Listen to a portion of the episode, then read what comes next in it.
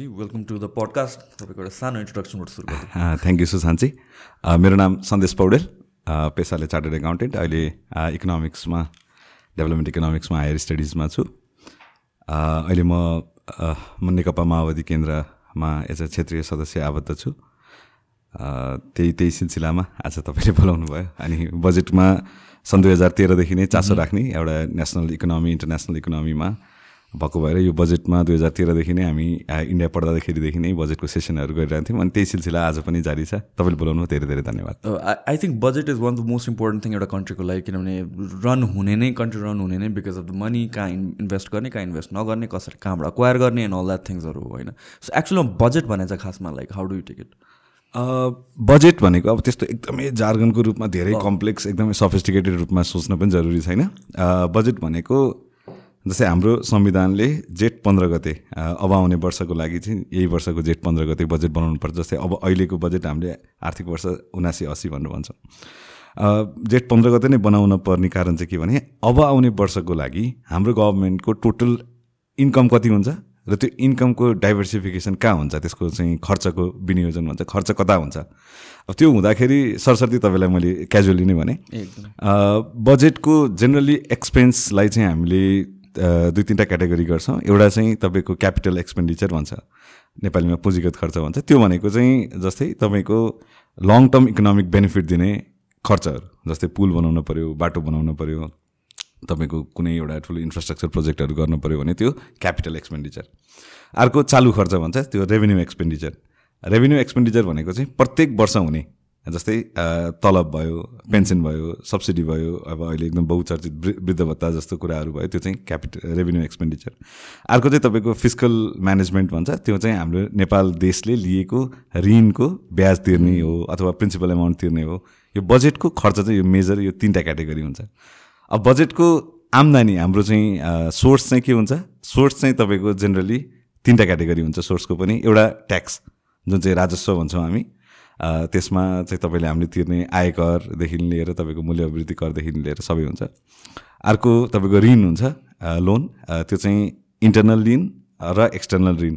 Internal भनेको जुन हाम्रो चाहिँ यो बोन्डहरू पेपरहरूबाट निकाल्ने ऋणहरू हुन्छ। एक्सटर्नल भनेको हामीले चाहिँ जस्तै कुनै एडिबीबाट लियो वर्ल्ड ब्याङ्कबाट लियो भन्ने हुन्छ। अर्को चाहिँ ग्रान्ट हुन्छ अनुदान। सो यो तिनवटा चाहिँ तपाईँको रेभेन्यूको मेजर पार्ट भयो। अघि मैले भनेको तिनवटा चाहिँ एक्सपेन्सको मेजर पार्ट भयो। सो अब आउने वर्षमा नेपाल सरकारले आफ्नो राजस्व कति निकाल्छ र त्यसलाई कहाँ कहाँ खर्च गर्छ भन्नेको एउटा डिटेल एउटा प्लेटफर्म अथवा डिटेल एउटा डकुमेन्ट नै बजेट हो। अब बजेटमा हामीले बुझ्नुपर्ने कुरा के छ भने budget it's not a completely technical document होइन it's not a completely economic document पनि होइन। यो चाहिँ गभर्मेन्टको अथवा रुलिङ पार्टीको जसले बजेट ल्याइरहेछ उसको पोलिटिकल आइडियोलोजी उसको पोलिटिकल एजेन्डा पोलिटिकल भिजन चाहिँ कस्तो छ त? उसले नेपालको इकोनोमीलाई के लान खोजेको छ के गर्न खोजेको छ कस्तो बनाउन खोजेको छ so it's a kind of a mixture of तपाईँको अलिकति सोसियल साइन्सेसको साइडबाट र अलिकति टेक्निकल साइडबाट पनि। सो यो चाहिँ हाम्रो सामान्य रूपमा बजेट चाहिँ यही नै यसमा रेमिटेन्स चाहिँ कहाँ फल गर्छ? किन from what we know remittance हाम्रो कन्ट्रीको लागि one of the biggest sources नै भनेर भनिन्छ होइन? रेमिटेन्स यसमा पर्दैन किनभने रेमिटेन्स गभर्मेन्टको इन्कम हुँदैन रेमिटेन्स चाहिँ पर्सनको इन्कम हुन्छ। सो पर्सनको रेमिट पर्सनले रेमिटेन्समा तिर्ने ट्याक्स चाहिँ सरकारको आम्दानी भयो। तर एट सच रेमिटेन्स चाहिँ सरकारको आम्दानी हुँदैन। ओके सो त्यसमाको ट्याक्सेस चाहिँ त्यसको ट्याक्स सो जस्तो कि ट्याक्स कुरा गर्दाखेरि भ्याट हजुर भ्याट एज अ सिस्टम त्यसको केही इम्पोर्टेन्स छ? छ नि. जस्तै भ्याटलाई हामी नेपालीमा मूल्य अभिवृद्धि कर भन्छ भ्यालु एडेड ट्याक्स त्यो भनेको चाहिँ तपाईँले प्रयोग गर्ने अथवा कसैले उत्पादन गर्ने सामानमा भएको भ्यालु एडिसनमा तिर्ने कर हो। त्यो चाहिँ एक किसिमको इन्डिरेक्ट ट्याक्स भन्छ। क्या ट्याक्सको ब्रोड दुइटा क्याटेगोराइज हुन्छ। तपाईँको आम्दानी हो तपाईँले नै कर तिर्नुभयो भने त डिरेक्ट ट्याक्स भयो। तपाईँको आम्दानी हो तर तपाईँले चाहिँ कस्टमरबाट उठाउनु भयो। जस्तै अब यो कप कफी हामी बाहिर खान गयौँ भने कफीको चाहिँ बराबरको भ्याट त हामीले त्यो कफी सपलाई तिर्छौँ। तर त्यो कफी सपले चाहिँ फेरि गभर्मेन्टलाई तिर्दिन्छ। So it's just a medium होइन? त्यसलाई चाहिँ भ्याट भन्छौँ। सो भ्याट भनेको चाहिँ तपाईँको मूल्य अभिवृद्धि कर भ्यालु एडिसनमा लाग्ने ट्याक्स हो जसले चाहिँ सामानको कुनै पनि सामानको एक्स भन्ने सामानमा लेबर अथवा चाहिँ तपाईँको र मेटेरियलहरू इन हुँदाखेरि जुन भ्यालु एडिसन हुन्छ त्यसमा लगाउने कर हो। ओके सो हाम्रो यसपालिको बजेटमा सिग्निफिकेन्ट कुराहरू के छ? सबैभन्दा मेजर भन्नुपर्ने कुरा चाहिँ एक नम्बरमै तपाईँले मलाई सोध्नुहुन्छ as a political as a इकोनोमीमा interest राख्ने मान्छे भने सबैभन्दा मेजर पोलिसी डिपार्चर चाहिँ के हो भने यो बजेट चाहिँ हाम्रो संविधानले जुन हामीले लिएर आयौँ सङ्घीयताको व्यवस्था इङ्ग्लिसमा हामी त्यसलाई फिजिकल फेडरलिजम भन्छ। फिजिकल फेडरलिजमलाई सबैभन्दा दह्रो तरिकाले एक्नोलेज सबैभन्दा महत्त्वपूर्ण तरिकाले आत्मसात गरेको बजेट यही नै हो। तपाईँले योभन्दा अगाडिको बजेट तपाईँले सुन्नुभएको भए स्थानीय तहकै नाम लिएर यहाँदेखि यहाँको बाटो यहाँबाट यहाँको पुल चाहिँ हामी बजेट एलोकेसन भनेर केन्द्र सरकारबाटै जाने त्यस्तो सेन्ट्रलाइज सिस्टम थियो which was against the spirit of federalism होइन किनभने at the end of the day federalism भनेको त तपाईँको प्रदेश र स्थानीय तहले तपाईँको आफ्नो आत्मनिर्णयको अधिकार सेल्फ डिसिजन सेल्फ त्यो डिसाइड गर्ने राइट हो नि त। वेरेज योपालिको बजेटमा चाहिँ तपाईँले सुन्नुभयो भने कुनै पनि सानो स्केलको प्रोजेक्टहरू चाहिँ चाहे त्यो बाटो होस् चाहे त्यो पुल होस् चाहे अरू कुनै फर्म अफ इन्फ्रास्ट्रक्चर डेभलपमेन्ट हो त्यसलाई चाहिँ तपाईँको प्रदेश र स्थानीय तहको लागि नै छुट्याइदिएको छ। ओके सो द्याट मिन्स उनीहरूले डिसाइड गर्ने भयो क्या अब। सो यो लाइक तपाईँले कसरी बुझ्नु भने you're not imposing as a country के केन्द्रमा सिंहदरबारमा बसेर युआर नट इम्पोजिङ कर्णालीमा बसेको मान्छेलाई कि तँ यो बाटो बना भन्ने होइन। माइक्रो म्यानेजमेन्ट भएन। माइक्रो म्यानेजमेन्ट भएन सबैभन्दा मेजर पोलिसी डिपार्चर चाहिँ त्यही नै हो। अब योभन्दा अगाडिको तिनवटा चारवटा बजेटमा तर तर is is that a good thing or not कि हामीहरू अब एउटा हिसाबले हामी त्यो स्थितिमा छौँ कि जहाँ we can trust all this people to do their work र राम्रो ठाउँमा बजेट स्पेन्ड गर्छ भनेर। होइन त्यही नै त स्पिरिट अफ फेडरलिजम हो नि। लाइक लामो समय हामी जब we centralize system of governance त्यतिखेर तपाईँको के हुन्थ्यो? यहाँ बस्ने राजा महाराजालाई जे लाग्यो जाजरकोटको मान्छेले त्यही मानिदिनु पर्ने थियो। होइन? यहाँ बसेर घर लगाएको मान्छेलाई बैतडीको मान्छेले त्यही मानिदिनु पर्ने थियो। त्यहाँको आत्मनिर्णयको अधिकार थिएन उनीहरूको डिसिजन राइट थिएन।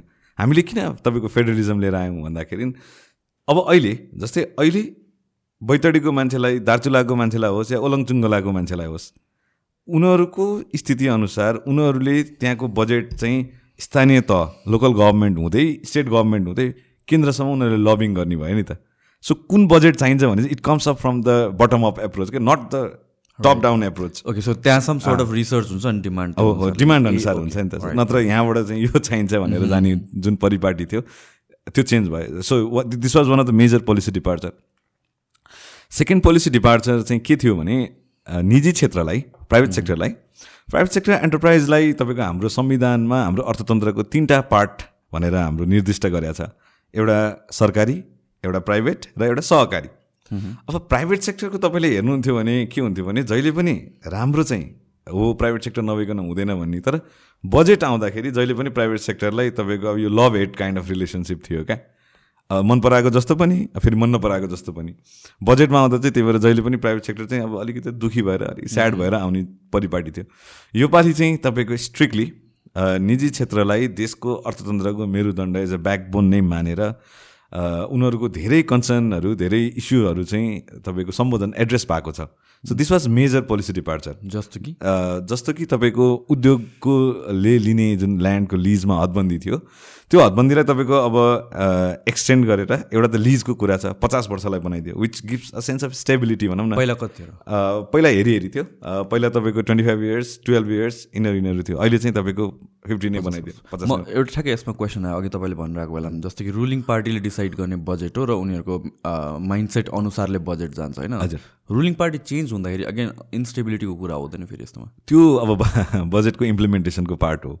हाम्रोमा हाम्रो इकोनोमीको मेजर प्रब्लम तपाईँ हामीले सानसानो कुरामा खोज्दै गयो भने we reach to the conclusion त्यो कन्क्लुजन चाहिँ के हो भने नेपालको अर्थतन्त्रको सबैभन्दा मेजर समस्या भनेको तपाईँको अस्थिरता हो इन्स्टेबिलिटी किन भन्नुहुन्छ भने जस्तै गभर्मेन्ट अनुसार त प्रायोरिटी त फरक हुन्छ नि त। That's why different party exist नि त तपाईँको आइडियोलोजिकल्ली तपाईँलाई जे कुरा लागिरहेको छ त्यो मलाई नलाग्न सक्छ।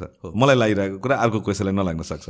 त्यही भएर त जनताले आइडियोलोजीको आधारमा तपाईँको पा पोलिटिकल पार्टी बन्ने हो अथवा अहिलेको केसमा इन्डिपेन्डेन्ट मान्छेहरू आउने हो। तर हाम्रोमा के छ भने अ सेन्स अफ स्टेबिलिटी नभएको भएर कुनै पनि सरकारले बजेट तर्जुमा गर्दाखेरि म चाहिँ यो प्रोजेक्टलाई पाँच वर्ष लिएर जान्छु भनेर त्यो रिजल्ट देखिन मिल्ने गरी जुन एउटा अलिकति एटलिस्ट मिडियम टर्म भयो नि भनौँ न मध्यकालीन योजनासहित नै ल्याउने आधार नै बनेको छैन। होइन त्यो त्यो बजेटको इम्प्लिमेन्टेसनको पार्ट हो।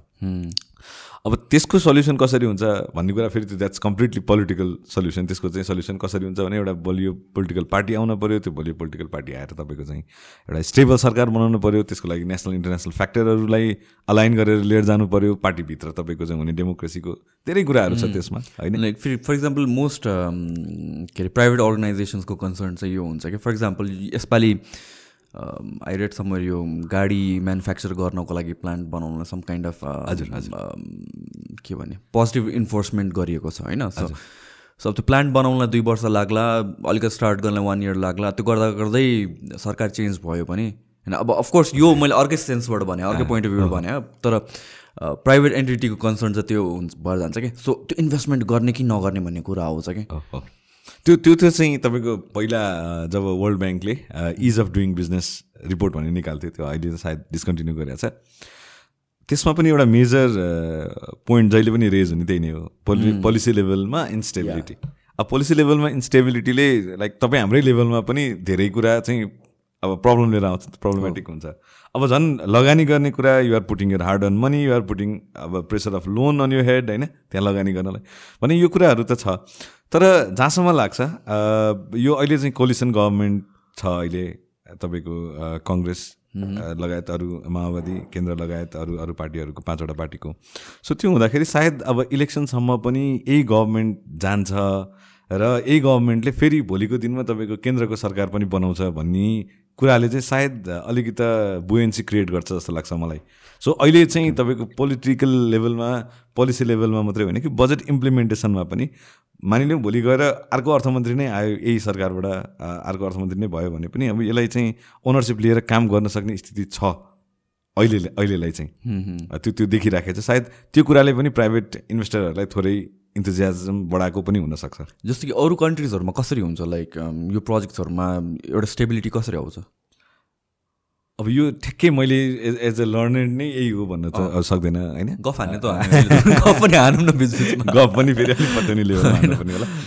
अब अरू देशमा चाहिँ तपाईँले हेर्नुहुन्छ भने जेनरली जस्तै जापानको इक्जाम्पल अ, अथवा इटलीको इक्जाम्पल लिगौँ त्यहाँ तपाईँको एभरेज टेन्युर अफ गभर्मेन्ट चाहिँ लगभग लगभग नेपालसँग मिल्छ होला सायद सायद। है आइएम नट स्योर किनभने त्यहाँ पनि सरकार धेरै चेन्ज भइरहेको हुन्छ। तर त्यहाँ उनीहरूले के एउटा मल्टी पार्टी उनीहरूको एग्रिमेन्ट चाहिँ सायद के छ मैले एउटा किताबमा पढाएको थिएँ। के छ भने कि पोलिसी डिसिजनहरूमा चाहिँ ट्र्याक ब्याक नगर्ने। Okay when it comes to business चाहिँ चाहे त्यो तपाईँको सेन्ट्रिस्टको होस् चाहे त्यो सेन्ट्रल लेफ्टिस्टको होस् चाहे राइटिस्टको होस् कि इकोनोमिक डिसिजनहरूमा चाहिँ फटाफट चेन्ज नगर्ने के? तपाईँको एकल सरकार बनाउन पायो भने त्यो चेन्ज गर्ला त्यो अब व्यापक कुरा भयो होइन? तर कि पोलिटिकल डिसिजनहरू चाहिँ फ्रेमवर्क जस्तै प्राइभेट सेक्टरलाई केही पनि नगर्ने। सो त्यस्तो भए त यो बजेट र पोलिसिज आउँदाखेरि पनि एज अ होल युनिट नै डिसाइड गरेर छलफल गरेर अगाडि ल्याउँछ होला नि त। हो नेपालमा पनि त्यस्तो हुन्छ? के छ? नेपालमा त्यस्तो प्र्याक्टिस छैन होला सायद। नेपालमा तपाईँको मल्टी पार्टी कन्सल्टेसन चाहिँ हुन्छ। संसदीय समितिहरूमा छलफल हुन्छ। बजेटभन्दा लगभग पाँच सात दिन अगाडि तपाईँको नीति तथा कार्यक्रम प्लान एन्ड पोलिसी चाहिँ सम् सम्माननीय राष्ट्रपतिले प्रस्तुत गर्नुहुन्छ दुइटै हाउसमा। त्यो हिसाबले अब हुँदै हुँदैन तपाईँको सल्लै गर्दैन भन्ने चाहिँ होइन होइन? तर तपाईँको चाहिँ के हो भने बनाउने चाहिँ at the end of the day of the day चाहिँ रुलिङ। पार्टीले नै हो। राइट ओके सो अरू अरू कुराहरू के छ ठिकै छ। हामी गफै त नि। अब अर्को एउटा मैले तपाईँलाई फिजिकल फेडरलिजमको कुरा गरेँ। अर्को अ, चाहिँ तपाईँको मैले निजी निजी सेक्टरलाई प्राइभेट सेक्टरलाई गरेँ। अर्को चाहिँ के छ भन्नुहुन्छ भने हाम्रोमा चाहिँ यो कृषिलाई हाम्रो अर्थतन्त्रको मेन मानिरहेको थियो क्या मेन मेन स्टे मानिरहेको थियो। तर कृषि कसरी हाम्रो अर्थतन्त्रको मेन स्टे हो त? हाम्रो कृषिको सिस्टम इज इट तपाईँको चाहिँ हामी आफैलाई पुग्ने हो कि? एक्सपोर्ट ओरिएन्टेड हो कि होइन अब अथवा हामीले धान चामल चाहिँ बाहिरबाट किनेर ल्याएर यहाँबाट चाहिँ तपाईँको कार्डमम अब अदुवा अलैँची तपाईँको ओखर बाहिर पठाउने पो हो कि स्याफ्रन पठाउने हो कि मतलब धेरै कन्फ्युजन थियो। सो योपालि चाहिँ त्यो विषयमा धेरै नै स्पेसिफिक भएर योजनाहरू आएको छ। जस्तै तपाईँको contribution based pension for farmers भन्ने छ अब त्यसको इम्प्लिमेन्टेसनको पार्ट छुट्टै छ तर एज अ हामी नीतिगतै कुरा गरिरहेछौँ। अनि तपाईँको कृषिलाई फोकस गरेर पाँच खर्बको छुट्टै micro finance for agriculture loan establish हुने कुरा छ। जुन हाम्रोमा तपाईँको अनुदानहरूको पारदर्शिता तिनीहरूको ट्रान्सपेरेन्सी तिनीहरूको एउटा भनौँ न ट्यान्जिबल इफेक्ट देखिया छैन त्यो मिसयुटिलाइजेसन भएको छ भन्ने कुरा छ त्यसलाई काउन्टर गर्नलाई अहिले चाहिँ तपाईँको भनौँ न एउटा पारदर्शी ढङ्गले लघु वित्तको कन्सेप्ट आइरहेछ। अब त्यसको साथै तपाईँको वेयर हाउसको प्रोजेक्टहरू छ। तपाईँको चाहिँ म्यासिभ एमाउन्ट अफ वेयर हाउसको प्रोजेक्ट छ फुडसँग रिलेटेड फुडसँग फुडसँग रिलेटेड वेयर हाउस अनि तपाईँको यदि कटन इन्डस्ट्रीमा हुनुहुन्छ भने कटन इन्डस्ट्रीमा चाहिँ कटनको सिड हाई क्वालिटी सिड र कटनको प्रोसेसिङ प्लान्टमा पनि गभर्मेन्टले हेभी सब्सिडाइजको कुरा गरेको छ अब तपाईँको उखु किसानको कुरा गर्नुहुन्छ भने उखु किसानलाई यही वर्ष चाहिँ तपाईँको जुन बेला काठ हार्भेस्ट हुन्छ जुन हामीले देखिरहेको थियौँ पहिला पनि उहाँहरूको समस्या पनि धेरै हदसम्म सम्बोधन भएको छ एग्रिकल्चरमा अब तपाईँको एग्रिकल्चर युनिभर्सिटीको प्रोडक्टहरू मतलब स्टुडेन्टहरूलाई ग्रामीण क्षेत्रमै गएर कृषिमै केही गर्नलाई चाहिँ तपाईँको प्रोत्साहन स्वरूप उनीहरू चाहिँ लघु लोकल ठाउँमा जानै पर्ने भन्ने पनि नियम आएको छ which is a very good thing किनभने तपाईँको चाहिँ पहिला जेटिएको कन्सेप्ट थियो त्यसलाई अलिकति त्यो छ्यासमिस भएर त्यो डिसमिस जस्तो भइरहेको थियो। अब अहिले आएर चाहिँ बल्ल त्यसलाई चाहिँ एउटा लर्नेड म्यान पावरलाई अनफिल्ड जानुपर्ने कुराहरू छ अब यो कति प्र्याक्टिकल छ छैन कार्यविधि कस्तो आउँछ त्यो अगेन फेरि डिफ्रेन्ट कुरा हो। सो यो मामलामा पनि छ। अब अर्को तपाईँको हाम्रो एक्सपोर्ट प्रमोसनको लागि भनेर स्पेसिफिक तोकिदिएको छ क्या जस्तै तपाईँको अलैँची अदुवा अब इभन तपाईँको जडीबुटीमा कस्तोसम्म आएको छ भने जडीबुटीको if you are planning on medicinal herbs अब त्यो इन्सुरेन्सको पैसा पनि सरकारले तिर्दिने भयो क्या तपाईँको। ओके सो द्याट मिन्स हाम्रो कम्पेयर एन्ड कन्ट्रास्ट गर्दाखेरि हाम्रो हाई कम्पिटेटिभ भ्याल्यु भएको हाम्रो चाहिँ अलिकति प्रतिस्पर्धात्मक क्षमता हाई भएको प्रोडक्टहरूमा चाहिँ गभर्मेन्टले like it's taking care of म्यारोवानको केसमा के भइरहेछ? त्यो थाहा भएन that that's a very controversial issue सायद त्यो त्यो थाहा छैन होला अहिलेसम्म। ओके त्यो अर्कै डिस्कसनको अर्कै पार्ट हो त्यो। के भइरहेछ भने? किनभने last I heard was like bill present गरेको छ कि के भन्ने छैन के पनि भएको छैन? के कुरै उठेको छैन बिल प्रस्तुत भएको छैन जहाँसम्म अब as far as I know बाहिर भएको के हल्ला हो त्यो सबै? फर्मल्ली कुनै पनि बिल आएको छैन। जहाँसम्म मलाई थाहा छ I am not sure about that तपाईँको संसदमा कुरा चाहिँ उठ्या छ। ओके। यही पालि पनि नेकपा एमालेको शेरबहादुर तामाङले उठाउनु भएको थियो।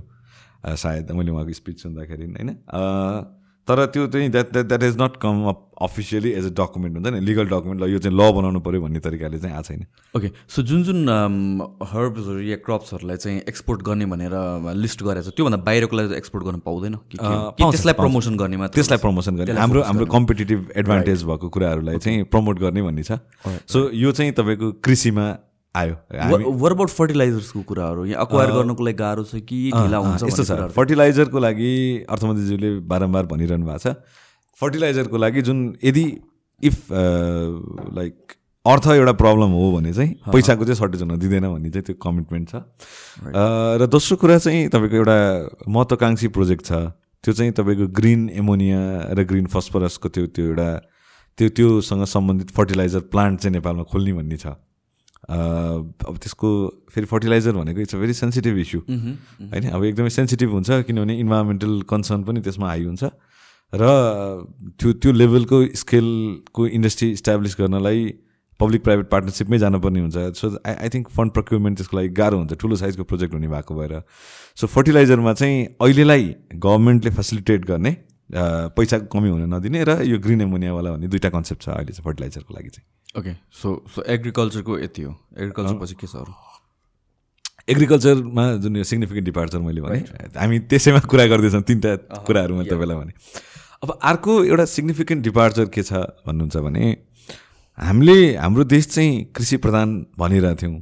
तर कृषि प्रधान भनिरहँदाखेरि हाम्रो आफ्नै व्यथाहरू थिए। हाम्रो व्यथा के थियो? सब्सिस्टेन्स फार्मिङमा हामी थियौँ।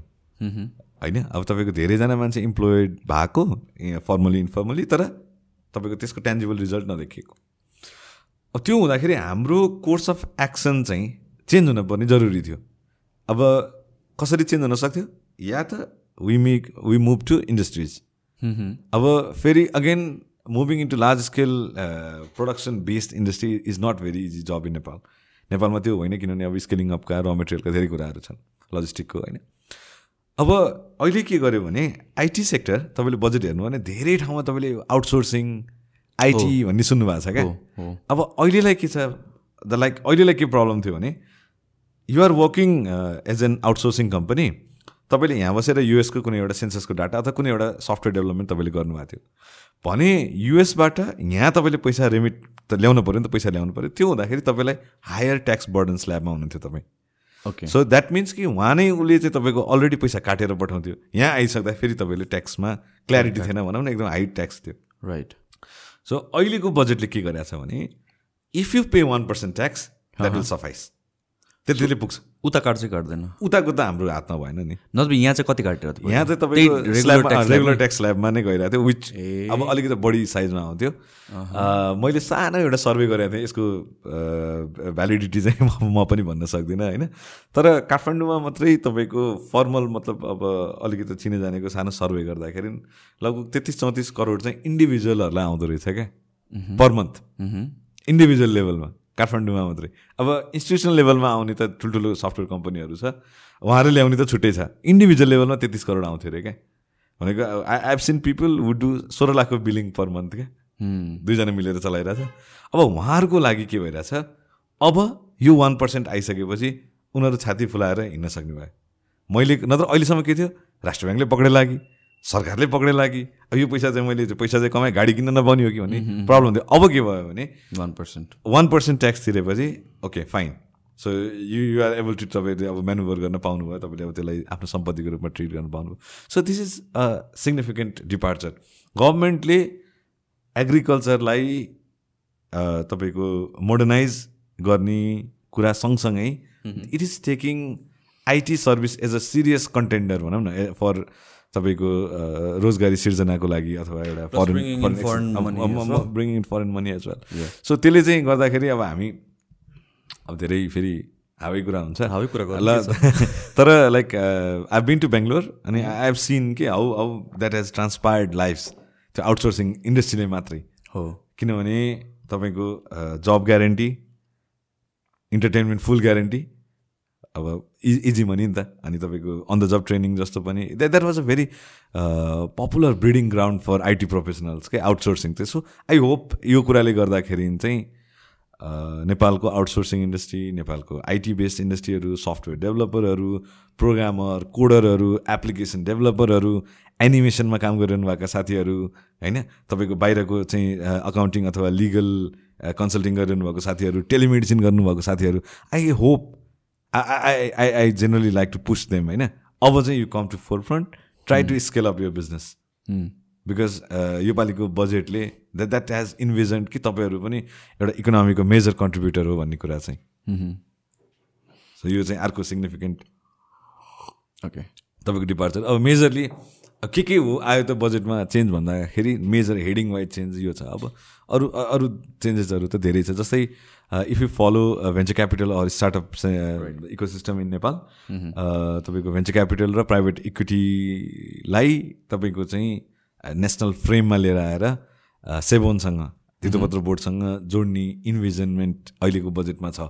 सो इफ द्याट ह्यापन्स फेरि यो तत्काल मिराकुलसली भइहाल्ने कुरा पनि होइन होला सायद तर if that happens that opens a new door of opportunities त्यसले चाहिँ जो नवप्रवर्तनमा हुनुहुन्छ जो स्टार्टअपहरूमा हुनुहुन्छ र जसले चाहिँ तपाईँको प्रोडक्सन बेस्ड इकोनोमी गर्न खोजिरहनु भएको छ जसले चाहिँ यहाँ इम्प्लोइमेन्ट क्रिएट क्रिएसन अथवा इकोनोमीलाई भाइब्रेन्ट गराउन खोजिरहनु भएको छ उहाँहरूको लगानी जुटाउने कुरालाई कम्प्लिमेन्ट विथ गभर्मेन्टको आफ्नै च्यालेन्ज फन्ड छ गभर्मेन्टको आफ्नै तपाईँको सिड क्यापिटल म्यानेजमेन्टको छ अ, तपाईँको प्रोजेक्ट बेस्ड फाइनेन्सिङका कुराहरू छन् होइन? तर त्यसलाई पनि प्र्याक्टिकली अझै एक स्टेप अगाडि बढाउनलाई चाहिँ यो कुराले डेफिनेटली हेल्प गर्छ। होइन सो यो यो भयो अब अरू तपाईँले अघि भनिहाल्नु भयो यो हाम्रो इलेक्ट्रिक भेहिकलको प्रोडक्सन प्लान्टहरूको लागि छ अब if if if you study closely बजेटमा के भनेको छ I was even I was not expecting that Karnali लगायतका तपाईँको चाहिँ दूरदराज क्षेत्रमा if you start a company and if you employ more than hundred percent सयजना नेपालीहरू प्यान कार्ड भएको तपाईँले यदि इम्प्लोइ गर्नु भने you are not liable to pay tax for fifteen years पन्ध्र वर्षसम्म। गाडीको लागि। हजुर? अटोमोबिल्सको होइन लागि in in general general in general in general in general production based industry so so that that is a huge step होइन? अब होला त्यसमा धेरै प्रब्लम छ जस्तै कर्णालीमा को जाने कर्णालीमा तपाईँको म्यान पावर जान्छ कि जाँदैन? कर्णालीमा तपाईँले स्किल्ड पावर सक्छ। ढुवानी कसरी गर्नुहुन्छ? कर्णालीमा तपाईँ त्यत्रो मेसिनहरू कसरी लान्छ? द्याट द्याट्स एनदर पार्ट तर for someone who is trying to do हुन्छ नि? चाहिँ ओके ल अब चाहिँ जसको लागि ट्याक्स मेजर पोर्सन हो नि उनीहरू they they can start thinking about that right now होइन? इन्डियामा तपाईँको इन्डियन इन्कम ट्याक्स एक्टमा सायद सेक्सन एटिआई भन्ने थियो। त्यहाँ चाहिँ तपाईँको नर्थ इस्टमा नर्थ इस्ट इन्डिया जहाँ चाहिँ अन्डर डेभलप ठाउँमा चाहिँ तपाईँ लगानी गर्नु हुँदाखेरि त्यस्तै बेनिफिटहरू थियो क्या तर यो स्केलमा त थिएन तर अनि that work wonders for India होइन भनेको हाम्रोमा पनि पहिलेदेखि यो छुट चाहिँ थियो तर यो योपालिको जस्तो म्याग्नेट्युडको छुट थिएन। सो द्याट मिन्स एउटा डिसाइन डिसेन्ट्रलाइजेसनतिर गरियो यो भने। राइट यो कुरा भयो। अब अर्को तपाईँको सहकारी सेक्टरमा पनि छ। सहकारी सेक्टरमा भएको पुँजीलाई त्यो क्यापिटललाई चाहिँ तपाईँको फिफ्टी पर्सेन्ट प्रोडक्टिभ सेक्टरमा लानुपर्ने भन्ने छ। अब यो कसरी जान्छ यसको फेरि आफ्नै नियामक फन्डाहरू छ। अब यो कसरी म्यानेज हुन्छ भन्ने अर्को पार्टको कुरा छ। तर अलिकति इन जेनरल सेन्स चाहिँ के छ भने अब यो कोअपरेटिभको पैसालाई पनि we shall channelize it to more productive sector rather than तपाईँको अनप्रोडक्टिभ सेक्टर भन्दा पनि अलिकति प्रोडक्टिभ सेक्टरमा लानुपर्छ भन्ने चाहिँ छ। अर्को एफटिआईको पनि लिमिट एफटिआई एफटिआईको म त्यहीँ आउँदै थिएँ। एफटिआईको लिमिट चाहिँ पाँच करोडको थियो पहिला। अब त्यसले गर्दाखेरि त्यसको बोथ पार्ट छ। अब यसमा चाहिँ डिटेलमा मैले पनि अलि अलि डिटेलमै हेर्नुपर्ने हुन्छ त्यसको प्रोज एन्ड कन्स त्यसलाई चाहिँ लोवर गरेर दुई करोडमा आएको छ। अब तर that should be complemented with other laws other change त्यो फिटा एक्ट भन्छ। Foreign investment trade and trans transaction uz transfer of property act भन्छ। सो त्यसलाई चाहिँ तपाईँको अलिकति चेन्ज गर्नुपर्ने हुन्छ। त्यसलाई कम्प्लिमेन्ट गर्नुपर्ने हुन्छ। होइन भने लाइक दुई करोडमा आयो भने फेरि यहाँको इन्डस्ट्रीहरू फेरि अलिकति ब्याक ब्याकग्राउन्डमा पर्ने पनि सम्भावना रहला त्यसमा। तर in general it's a very good thing अब चाहिँ तपाईँको मैले युरोपबाट कति साथीहरू देख्थेँ क्या। पैसा त ल्याउने नेपालमा आइटी सेक्टरमा तर अब पाँच करोड छैन हामीसँग। बल्ल बल्ल दुई करोड भने। अब that's a significant so how does it work यहाँ अब यहाँबाट पैसा निकाल्न गाह्रो छ भनेर भनिन्छ नि त लाइक हजुर त्यसमा चाहिँ के छ? त्यो चाहिँ एट सच बजेटले डिल गर्दैन। ओके नो जेनरल प्रोसेस चाहिँ जेनरल के गर्छ जेनरल प्रोसेस चाहिँ तपाईँको के छ भने एउटा क्यापिटल फ्लाइट भन्ने टर्म हुन्छ। सो क्यापिटल फ्लाइट भनेको टर्म कस्तो भन्दाखेरि बाहिरको जुन तपाईँको लन्डन मनी हुन्छ नि ब्ल्याक मनी त्यसलाई चाहिँ तपाईँको वाइट बनाउनलाई नेपाल जस्तो देशहरू प्रयोग हुन सक्ने सम्भावना धेरै रहन्छ। राइट जहाँ चाहिँ लको लुपोलहरू छ भनौँ न त्यसरी। अनि त्यो भएको भएर तपाईँको यो फन मनी लन्ड्रिङको एक्टहरूको कारणले गर्दाखेरि नेपालबाट क्यापिटल फ्लाइट हुन्छ भन्ने कारणले गर्दाखेरि चाहिँ त्यस्तो नेपालबाट रिपेट्रिएसन चाहिँ गाह्रै नै हो। सरी अरू देशको तुलनामा। अब एचएच बजेटले सम्बोधन नगरे पनि सो के आउन सक्छ यसको कम्प्लिमेन्ट्री भने यदि इफ अर्निङ रेभेन्यू नेपालमा रेभेन्यू तपाईँले अर्न गरिरहनु भएको छ अनि नेपालमा तपाईँले चाहिँ लागेको ट्याक्स तपाईँले तिर्नु भएको छ भने अब त्यो बेलामा चाहिँ द्विपक्षीय सम्झौताहरू भनेको छ बजेटमा सो द्याट मिन्स तपाईँको डबल ट्याक्स एभोइडेन्स एग्रिमेन्ट जुन तपाईँको क्यापिटल आएको देश हो नि। सो त्यो फेसिलिटी अथवा त्यो त्यो लहरू इन प्र्याक्टिस आयो भने चाहिँ त्यसले चाहिँ फेरि त्यो एफडिआईको फ्लोलाई पनि धेरै नै च्यानलाइज गर्छ। अनि एफडिआईमै तपाईँको अर्को के छ एउटा सिग्निफिकेन्ट पोलिसी भन्दाखेरि जुन दस करोडसम्मको एफडिआई छ त्यो चाहिँ अब डिजिटलाइज प्रोसेसमै जाने त्यसलाई चाहिँ तपाईँको एकद्वार प्रणाली भनेर पहिलेदेखि भनिरहेको थियो वान स्टप सल्युसन भनेर। त्यो भनेको कस्तो? त्यो भनेको लाइक अहिलेसम्म त एकदमै थियोरिटिकल कन्सेप्ट नै छ। त्यो भनेको के भने अहिले तपाईँ के छ? एफडिआई तपाईँले ल्याउनु पऱ्यो भने राष्ट्र ब्याङ्क जानु पऱ्यो तपाईँको चाहिँ अब वन मन्त्रालय जानुपर्ने होला होइन? अब तपाईँको पर्यटन मन्त्रालय जानुपर्ने होला अरू अरू कुनै सेक्टर स्पेसिफिक भएर अब डिपार्टमेन्टमा जानुपर्ने होला इन्भेस्टमेन्ट बोर्डमा जानुपर्ने होला धेरै ठाउँमा जानु पऱ्यो घरेलुमा जानु पऱ्यो कम्पनी र स्टारमा जानु पऱ्यो धेरै ठाउँमा जानु पऱ्यो अब एज अ फरेनर त त्यो उसलाई त गाह्रो हुन्छ नि त। नेपालमा आएर बस अब कहाँ जाऊ घरि कहाँ फाइल भन्ने कुरा। त्यसलाई सल्भ गर्नलाई चाहिँ यो वान युटिलिटी डोर भने जसरी तपाईँको चाहिँ एउटै ठाउँमा लिएर आउने भन्ने कन्सेप्ट पहिलेबाट हो। तर अहिलेको बजेटले के इन्भिजन गर्यो भने त्यो वान डोर पोलिसी पनि त्यति इफेक्टिभली काम गर्न सकेन। अब बरु चाहिँ त्यसलाई चाहिँ कम्प्लिटली डिजिटलाइज गरेर दस करोडसम्मको चाहिँ लगभग ठ्याक्कै टर्म चाहिँ मैले बिर्सेँ तर अनलाइनमै हुने आशयको कुराहरू आज। Okay so so that means अब चाहिँ प्रोसेसहरू चाहिँ छिटो हुन्छ नत्र त तपाईँको हाम्रो फरेन डिरेक्ट इन्भेस्टमेन्टमा कमिटमेन्ट चाहिँ अलिअलि आउने तर इन्भेस्टमेन्ट आउँदैन आउने। त्यो the level of foreign investment एकदमै पेथेटिक नै हो हाम्रो। अब सायद लेट्स सी अब यो यो थ्रेस होल्डले गरेर पनि धेरै कुरामा त्यो बटल नेक पारिदिन्छ कि जुन फाइभ क्रोर्सको थ्रेस होल्ड थियो त्यो छँदैछ भित्रको प्रोसेसहरू अझ छँदैछ। सो एभ्रिथिङले गरेर चाहिँ आई थिङ्क र मिनिमम फाइभ क्रोड सबै स्टार्टअप्सलाई आई मिन फ्यु स्टार्टअप्सलाई चाहिन्छ होला। मोस्ट स्टार्टअपलाई पाँच करोड त चाहिँदैन कहाँ स्पेन्ड गर्ने भन्ने कुरा हुन्छ। त्यो कारणले गर्दा कुरै अगाडि बढ्दैन कि अँ, त्यही त। अब अब चाहिँ दुई करोड हुँदाखेरि चाहिँ अब ठिकै हुन्छ होला। अब मैले सुनिरहेको थिएँ लबिन चाहिँ पचास लाखबाटै गर्नुपर्छ यो भनेर। अब फेरि पचास लाखकै पछिमा चाहिँ म पनि थिइनँ। त्यस्तो हुनुहुन्न भन्ने मेरो पनि आफ्नो मान्यता किन। पचास लाख भयो हुन्छ के हुन्छ? त्यो भयो भने तपाईँको फ्लड हुन्छ क्या। कस्तो भने झन् त्यो बोटल नेक क्रिएट हुन्छ क्या। पचास लाख नै भनिसकेपछि त धेरैवटा फन्डहरू जुन चाहिँ तपाईँको लाइक सिरियस हो कि होइन जुन चाहिँ आधे really willing to invest in Nepal हो कि यतिकै चाहिँ होइन त्यो भन्ने भएर अब त्यसले के गर्थ्यो भने पचास लाख नै विदेशबाट ल्याउन पर्ने त होइन नि त। त्यो पनि फेरि मेसेज जान्थ्यो कि गलत मेसेज जान्थ्यो। होइन? त्यही भएर मैले अघि नै तपाईँलाई भनिहालेँ यो पाँच करोड पनि प्रोज एन्ड कन्समा म आफै पनि अहिले सोच विचार गर्दैछु मलाई आफैलाई अझै पनि लगाइरहेको छ हाम्रो मेरो आइडियल्ली मैले के भन्थेँ भने हाम्रो भित्रको सिस्टम यस्तो हुन पर्थ्यो कि आइडियल केसमा चाहिँ पाँच करोडसम्म चाहिँ हामी इन्टरनली फाइनेन्सबाट मिलाउन सक्ने हुन पर्थ्यो। त्यो नभएको केसमा लोवर भएको ठिकै छ आई अप्रिसिएट द्याट तर त्यसको चाहिँ अझै अन द फेस भ्यालु नलिकन त्यसलाई अझै प्रोज एन्ड कन्स केलाउनै पर्छ त्यसलाई एउटा मेगा फन्ड जस्तो बनाएर डिफ्रेन्ट प्रोजेक्ट्समा इन्जेक्ट गर्न मिल्दैन। एज अ नेसनल लेभलमा फाइभ क्रोर्स नै भयो फाइभ क्रोर्स नै लिने मिनिमम हजुर। तर एन्ड देन कमिटी डिसाइड्स कि को को स्टार्टअपलाई दिने नदिने अगेन तर त्यसको इन्फ्रास्ट्रक्चर नै छुट्टै होइन। त्यसैलाई सम्बोधन गर्न सायद त्यो भेन्चर क्यापिटल र प्राइभेट Right, exactly. त्यसरी आउनुपर्छ। गभर्मेन्टले यो गरेर हुँदैन। गर्नुपर्छ। प्राइभेट एन्टिटी नै गर्नुपर्छ। अब एट बेस्ट गभर्मेन्टले कहाँसम्म गर्न सक्छ भने इन्क्युबेसन सेन्टर बनाएर युनि प्रत्येक युनिभर्सिटीमा इन्क्युबेसन सेन्टरको कन्सेप्ट लिएर गएर त्यो इन्क्युबेसन सेन्टर मार्फत तपाईँको चाहिँ कम्पनीहरू सेलेक्ट हुँदै लगानी गर्ने भन्न। नत्र right, okay, गभर्मेन्टले म चाहिँ यसमा गर्छु म त्यसमा गर्छु सबै चल्न त सकिँदैन त्यो ओके ओके अरू के छ त अब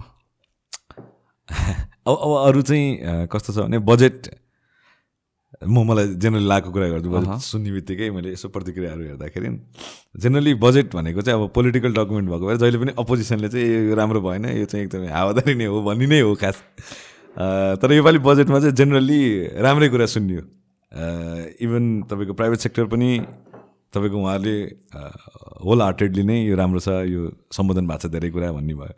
अब अपोजिसनले पनि त्यो पहिलो एक दुई दिन त अहिले त अलिक क्रिटिसिजम आउन थाल्यो पहिलो एक दुई दिन चाहिँ बजेट त ठिकै हो कार्यान्वयनमा हेरौँला भन्ने टाइपको कुराहरू आइरहँदाखेरि चाहिँ राम्रै बजेट बनायो कि जस्तो लाग्यो मलाई।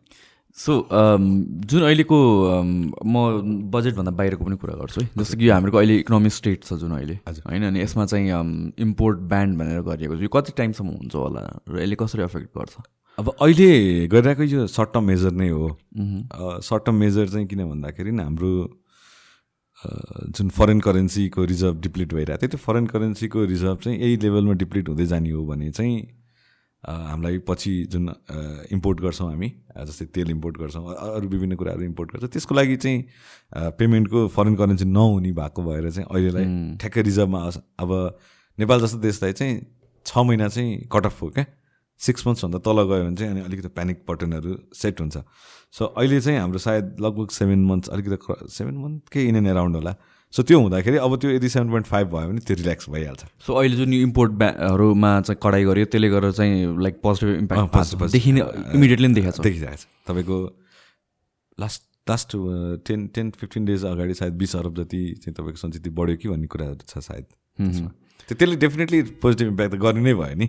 अब कति क्वान्टममा गऱ्यो भन्ने कुरा चाहिँ अब त्यो डेटाको कुरा भयो होइन? नत्र इन जेनरल चाहिँ तपाईँको त्यसले राम्रै गरेको छ। अर्को अर्को चाहिँ यो towards electric usage electric fuel usage तिर पनि प्रमोसनहरू गरेको छ। लाइक फर इक्जाम्पल भेहिकल्समा समथिङ के भएको छ? हजुर भेहिकल्समा यस्तो छ। भेहिकल्सको लागि तपाईँको सपोर्ट सिस्टमको लागि गभर्मेन्टले एनइए मार्फत नेपाल विद्युत प्राधिकरण मार्फत चाहिँ तपाईँको पचासवटा चार्जिङ स्टेसन चाहिँ अल ओभर नेपाल बनाउने ए भन्ने छ। ओके त्यो गभर्मेन्टकै साइडबाट एज अ मतलब एनइएकै बजेटबाट होला सायद। अब त्यसले के गर्छ भने एक त tacitly government is trying to promote electric vehicle भन्ने त त्यो त त्यो त भइहाल्यो। बाँकी चाहिँ तपाईँको एक सय एक किलोवाट इन्जिनभन्दा तलको जुन इलेक्ट्रिक भेहिकल छ तिनीहरूमा चाहिँ प्राइस चेन्ज गरेन मतलब ट्याक्सको रेट चेन्ज गरेन।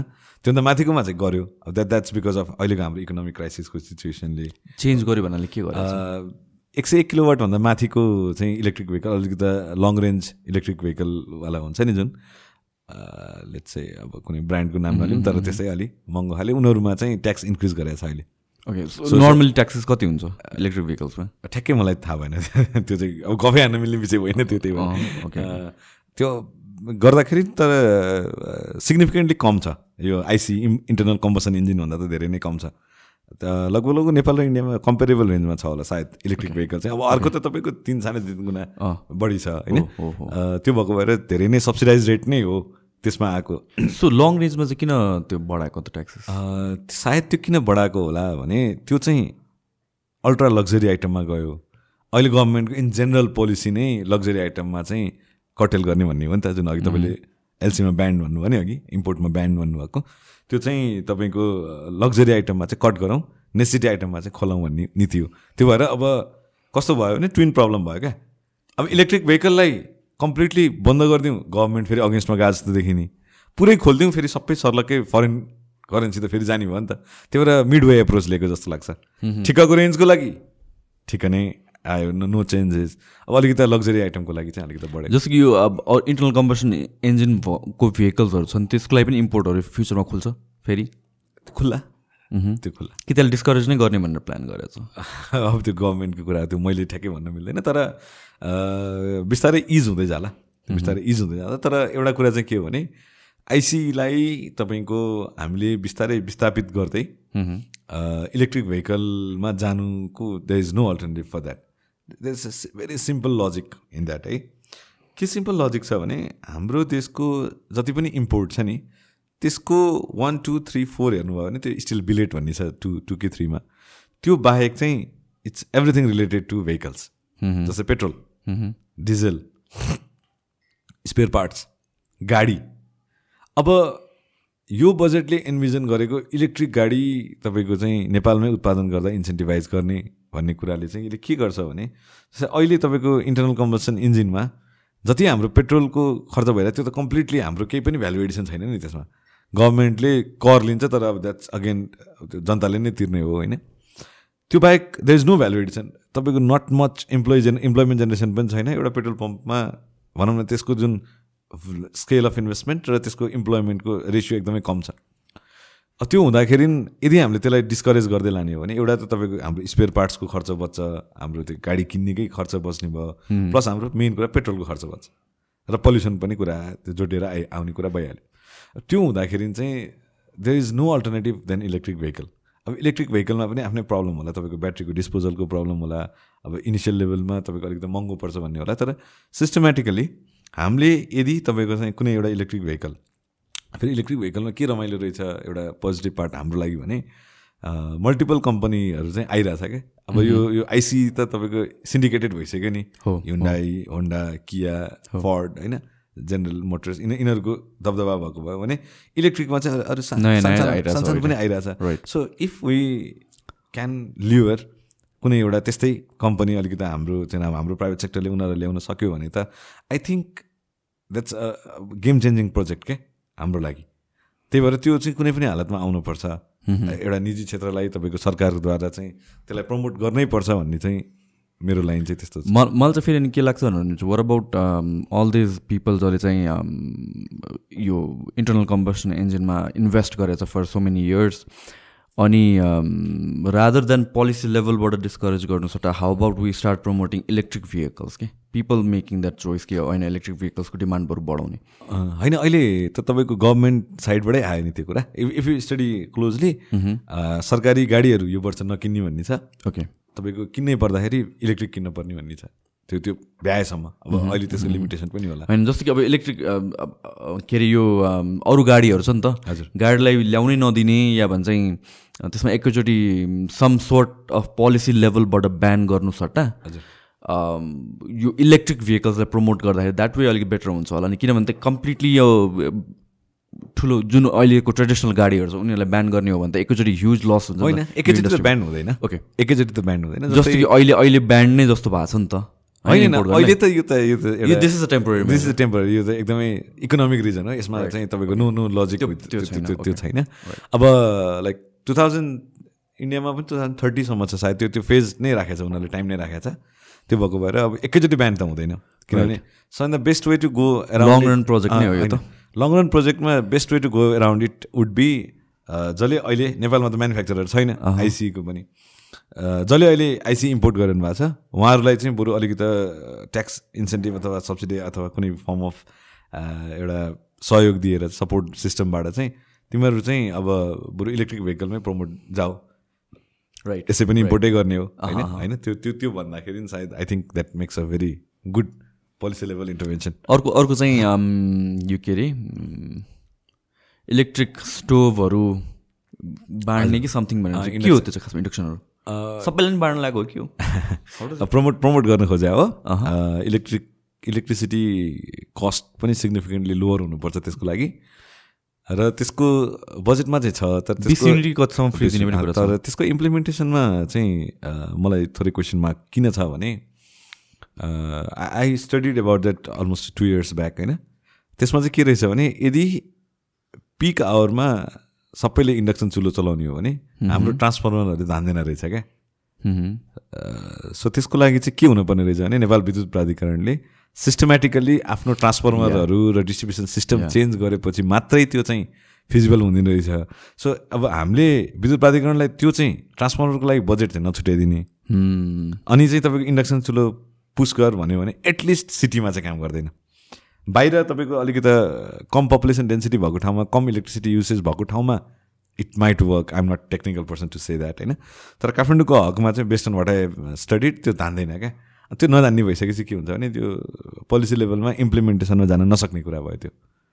त्यही भएर मेरो मेरो ideally what I would have done is like पहिला त्यसको लागि इन्फ्रास्ट्रक्चर प्राधिकरणको। लागि इन्फ्रास्ट्रक्चर रेडी गर्ने उद्देश्यले राइट फाइभ इयर्सको टार्गेट राखेर तपाईँको चाहिँ एलपिजीलाई कम्प्लिटली सब्स्टिट्युट गर्नको लागि एलपिजीको जुन अहिलेको कस्ट बेनिफिट एनालिसिस छ त्यो गरेर ट्रान्सफर्मरमा म्यासिभ इन्भेस्टमेन्ट गर्ने होइन? ट्रान्सफर्मरमा म्यासिभ इन्भेस्टमेन्ट गरेर अनि दोस्रो फेजमा चाहिँ इन्डक्सन चुलो गर्थेँ। म म भएको भए चाहिँ। किनभने अब तपाईँको पावर आउटेजै भयो भने त फेरि अगेन अर्को प्रब्लम आयो नि त। हामीले त इफ यु रिमेम्बर त्यो उसको बेलामा इन्डिया लगाएको नाकाबन्दीको बेलामा वी फेस द्याट प्रब्लम धेरैले इन्डक्सन चुलो। बाल्दाखेरि वी फेस। द्याट प्रब्लम नि। राइट सो अरू अरू के हुँदैछ सिग्निफिकेन्टली यसपालि बजेट केही छ सिग्निफिकेन्टहरू अब मेन कुरा दिस इज इलेक्सन इयर यो हामीले स्थानीय तहको निर्वाचन भ्याइसकेको अवस्था छ। अब हामी प्रदेश र सङ्घको निर्वाचनको सम्मार सङ्घारमा छौँ। त्यो हुँदाखेरि लाइक कार्तिक या मङ्सिरमा त्यसको टाइम हो। अब might be in and around that time नै तपाईँको त्यो इलेक्सन हुन्छ। अब बजेट मेरो मेरो एक्सपेक्टेसन चाहिँ के छ? मेरो इच्छा चाहिँ भने यो बजेट सिग्निफिकेन्टली राम्रो बजेट आछ। यो अब इलेक्सन पछि आउने जुन गभर्मेन्ट छ त्यो गभर्मेन्टले यसको ओनरसिप लिइदियोस्। यसको यसले गर्न खोजेको तपाईँको पोलिसी लेभलको डिपार्चर यसले गर्न खोजेको तपाईँको पोलिसी लेभलको इम्प्लिमेन्टेसन लेभलको चेन्ज यसले ल्याउन खोजेको तपाईँको चाहिँ इम्पोर्ट सब्सटिट्युसन एक्सपोर्ट प्रमोसनको कुराहरू फिजिकल डिसिप्लिनका कुराहरू यसलाई चाहिँ टेकअप गरिदियोस् ओन गरिदियोस्। अनि अर्थमन्त्री जनार्दन शर्माले लिएर आयो अब यसलाई असफल बनाउनुपर्छ भन्ने हिसाबले होइन कि नेपालको economy needs a significant upheaval significant change अनि त्यसको एउटा त्यो चेन्जमा जाने बाटोको लागि it's a very good starting point होइन? अब यसको धेरै क्रिटिसिजम होला आफ्नो ठाउँमा। अब त्यो क्रिटिसिजमहरू धेरै फेरि पोलिटिकली गाइडेड नै हुन्छ। त्यही भएर अब यसलाई चाहिँ सबैले ओन गरेर यसकै बेसिसमा अरू चेन्जेसहरू पनि तपाईँको चाहिँ इन एन्ड एराउन्ड ल्याउन सक्ने हो भने आई थिङ्क यो बजेटले काम चाहिँ राम्रै गर्छ। अर्को इन्फ्रास्ट्रक्चरको केसमा आई थिङ्क बिरगन्ज काठमाडौँ के अरे फास्ट ट्र्याक हो कि के रेल? निजगढ निजगढको। होइन बाटोको पनि कुरा छ नि बिरगन्ज काठमाडौँको जस्तो लाग्यो। होइन होला। इन्फ्रास्ट्रक्चर। फास्ट ट्र्याक भनेर भने हो कि फास्ट ट्र्याक त त्यो तपाईँको बाह्रको निजगढबाट तपाईँको काठमाडौँ जोड्ने फास्ट ट्र्याक म म म कन्फ्युज भयो त्यसमा चुक्यो सो सो निजगढको पनि बजेट आएको छ कन्स्ट्रक्सनको अस्ति रिसेन्टली यो दिस इज डिबेटेबल किनभने चाहिँ अस्ति मात्र जुडिसियरीले चाहिँ नबनाऊ भनेर भनेको छ सबै खारेज गरिदियो भनेर। तर त्यसकै फ्यु डेज तिन चार दिनमै बजेट आउँदाखेरि चाहिँ बजेटमा चाहिँ एलोकेट गरेको छ। हाउ डज द्याट वर्क यस्तो हुँदो रहेछ। तपाईँको सर्वोच्चले जुन फैसला गर्यो सर्वोच्चको फैसला can be overturned if there is a तपाईँको मिनिस्टरियल लेभलको डिसिजन सो तपाईँको सरकारको लेभलको डिसिजन भयो भने त्यसलाई त्यसले चाहिँ सायद सर्वोच्चको डिसिजनलाई सुपरसिड गर्छ। I'm not a lawyer to say that एकदमै पर्फेक्टली चाहिँ होइन होइन। अनि यसको लागि चाहिँ what we have been hearing in the parliament is like every one is in favour of Nijgadh international airport चाहे त्यो सत्तापक्ष होस् चाहे त्यो प्रतिपक्ष होस् every one things it's a game changer project अब पर्सनल्ली आई फिल यो बन्नुपर्छ। यो किन बन्नुपर्छ भन्दाखेरि आई हेभ सिन अलिकति एज अ इकोनोमिक्सको स्टुडेन्ट भएको भएर नेपालको अहिलेको त्रिभुवन अन्तर्राष्ट्रिय विमानस्थल चाहिँ नो के अरे रिस्की फ्लाइट जोनमा पर्छ क्या? रिस्की जोनमा पर्छ। द्याट मिन्स तपाईँको नेपालको एक्सटर्नल कनेक्टिभिटी एकदमै कम छ। अब त्यसले के गर्छ हेर्नु है?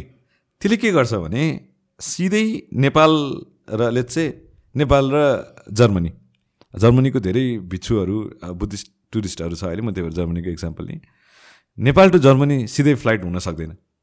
किनभने एयरबसको सबैभन्दा सानो मोडल पनि इट्स नट फिट टु तपाईँको fly Land here. Land here एयरबसको अथवा तपाईँले एमिरेट्सको they are not fit to land here नि त। अब त्यसको लागि तपाईँले के गर्नु पऱ्यो या त दुबई ट्रान्जिट बनाउनु पऱ्यो या त इन्डिया ट्रान्जिट बनाउनु पऱ्यो र if you think from a very touristic point of view अब तपाईँसँग पैसा छ घुम्न खोजिरहनु भएको छ you don't want to go around that mess के इन्डिया जाऊ फेरि अर्को गरेर ह्यासल भयो नि त। यदि यहाँबाट त्यहाँ डाइरेक्ट कनेक्टिभिटी भयो भने के हुन्थ्यो? This is one of the major reason why अलिकति सफिस्टिकेटेड लेभलको अलिकति हाई पेइङ टुरिस्टहरू नेपालमा आएको छैन।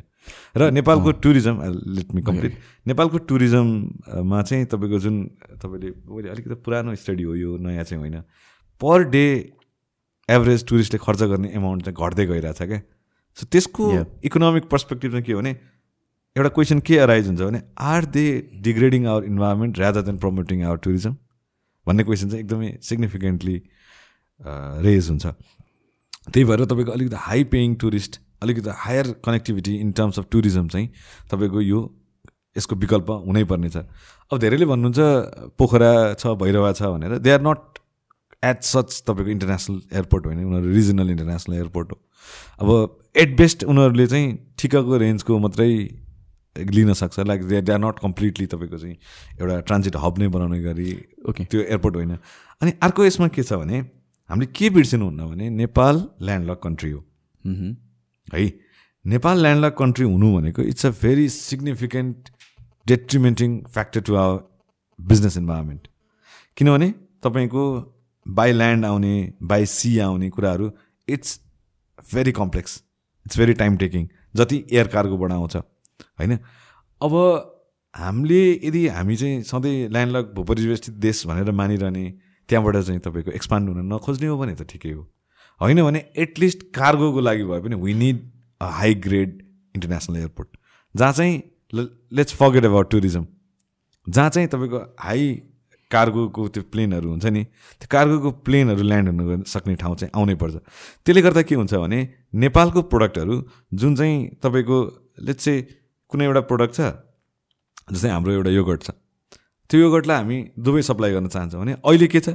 तपाईँको चाहिँ अहिले सानो प्लेनमा हाल्ने हो भने त्यसको कस्टभन्दा लजिस्टिक कस्ट बढी पर्न जान्छ which is not at all feasible for our business अब अहिले तपाईँले बाई सिप पठाउनु भयो भने त अब त्यो त्यो कहिले कहिले पुग्ने त्यो त्यो त्यहाँसम्म पुग्दाखेरि नै ड्यामेज हुन्छ।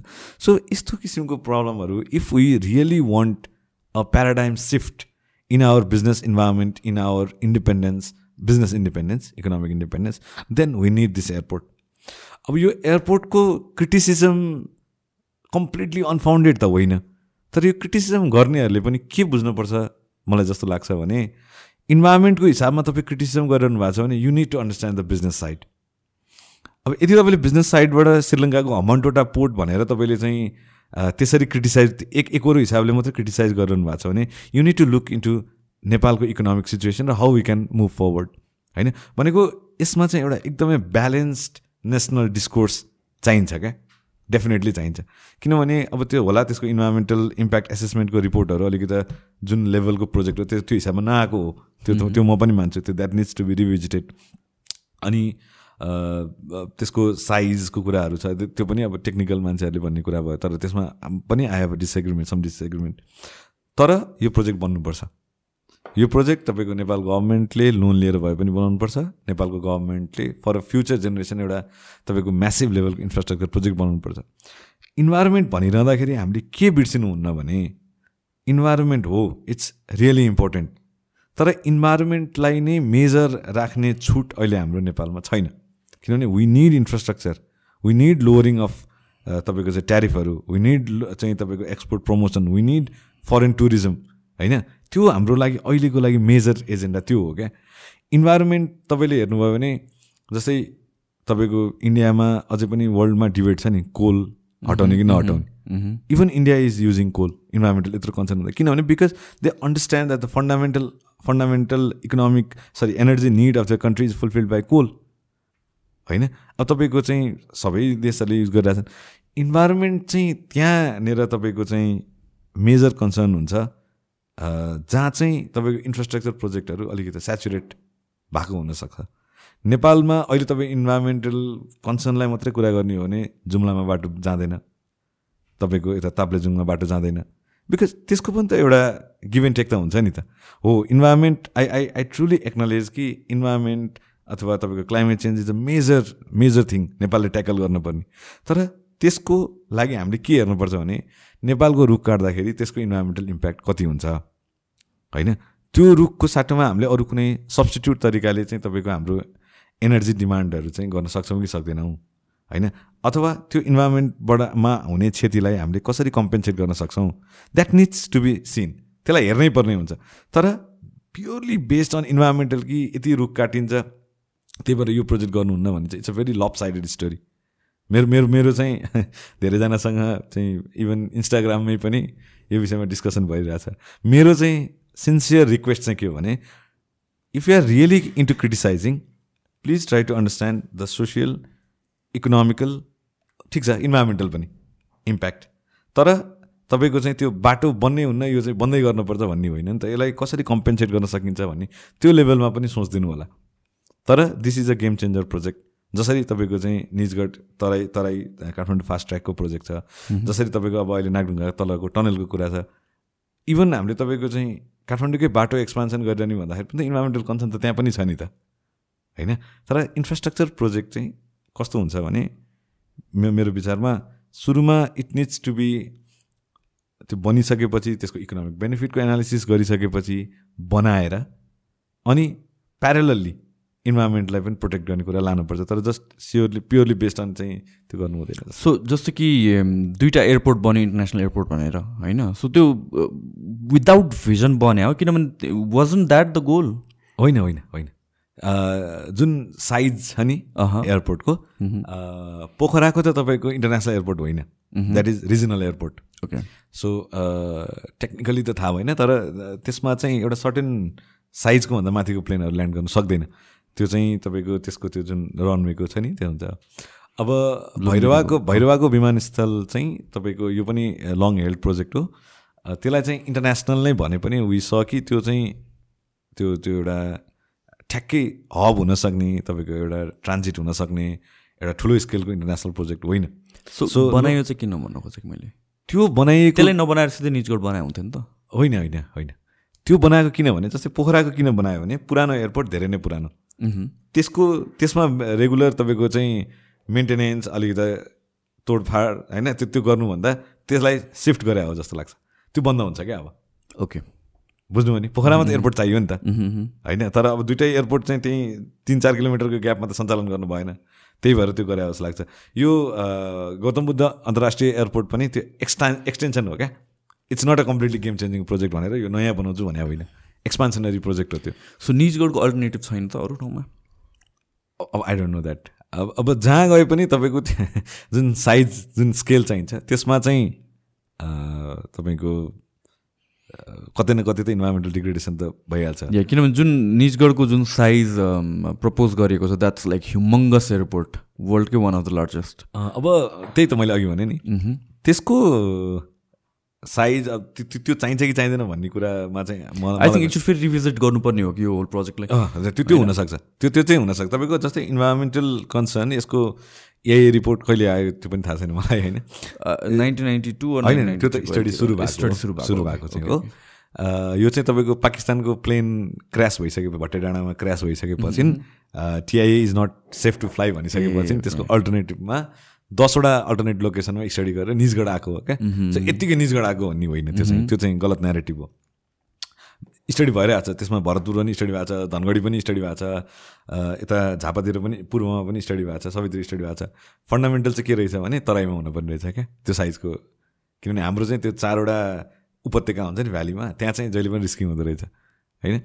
अब त्यो भएको भएर तपाईँको चाहिँ निजगढको अल्टरनेटिभ त अब सायद आई डोन्ट नो अब त्यति नै जग्गा चाहिने भयो तर निजगढलाई एउटा मात्रै बटम लाइन के भने निजगढ नेपाललाई एउटा इन्टरनेसनल स्केलको ठुलो कार्गो प्लेन र ठुलो तपाईँको पेसेन्जर प्लेन ल्यान्ड हुने एयरपोर्ट चाहिएको छ। अब त्यो ल्यान्ड हुने एयरपोर्टको त्यो डिस्कसनको सब्सटिट्युट के हुन सक्दैन भने इन्भाइरोमेन्टल डिग्रेडेसन हुन सक्दैन। त्यो किन नल्याउने भन्ने क्वेसन चाहिँ के हुन्छ भने कसैले त्यहाँ जग्गा किनेर अलरेडी राखेको छ त्यही भएर बनाउन खोज्यो भन्ने हुँदैन। यहाँ क्रिटिसिजम त्यस्तो पनि सुन्ने छ क्या। कसैले चाहिँ जग्गा किनेर राख्यो त्यही भएर चाहिँ बनायो। अब त्यस्तो हिसाबले चाहिँ तपाईँको प्रोजेक्ट इन्फ्रास्ट्रक्चर कुनै पनि भन्दैन नि। होइन?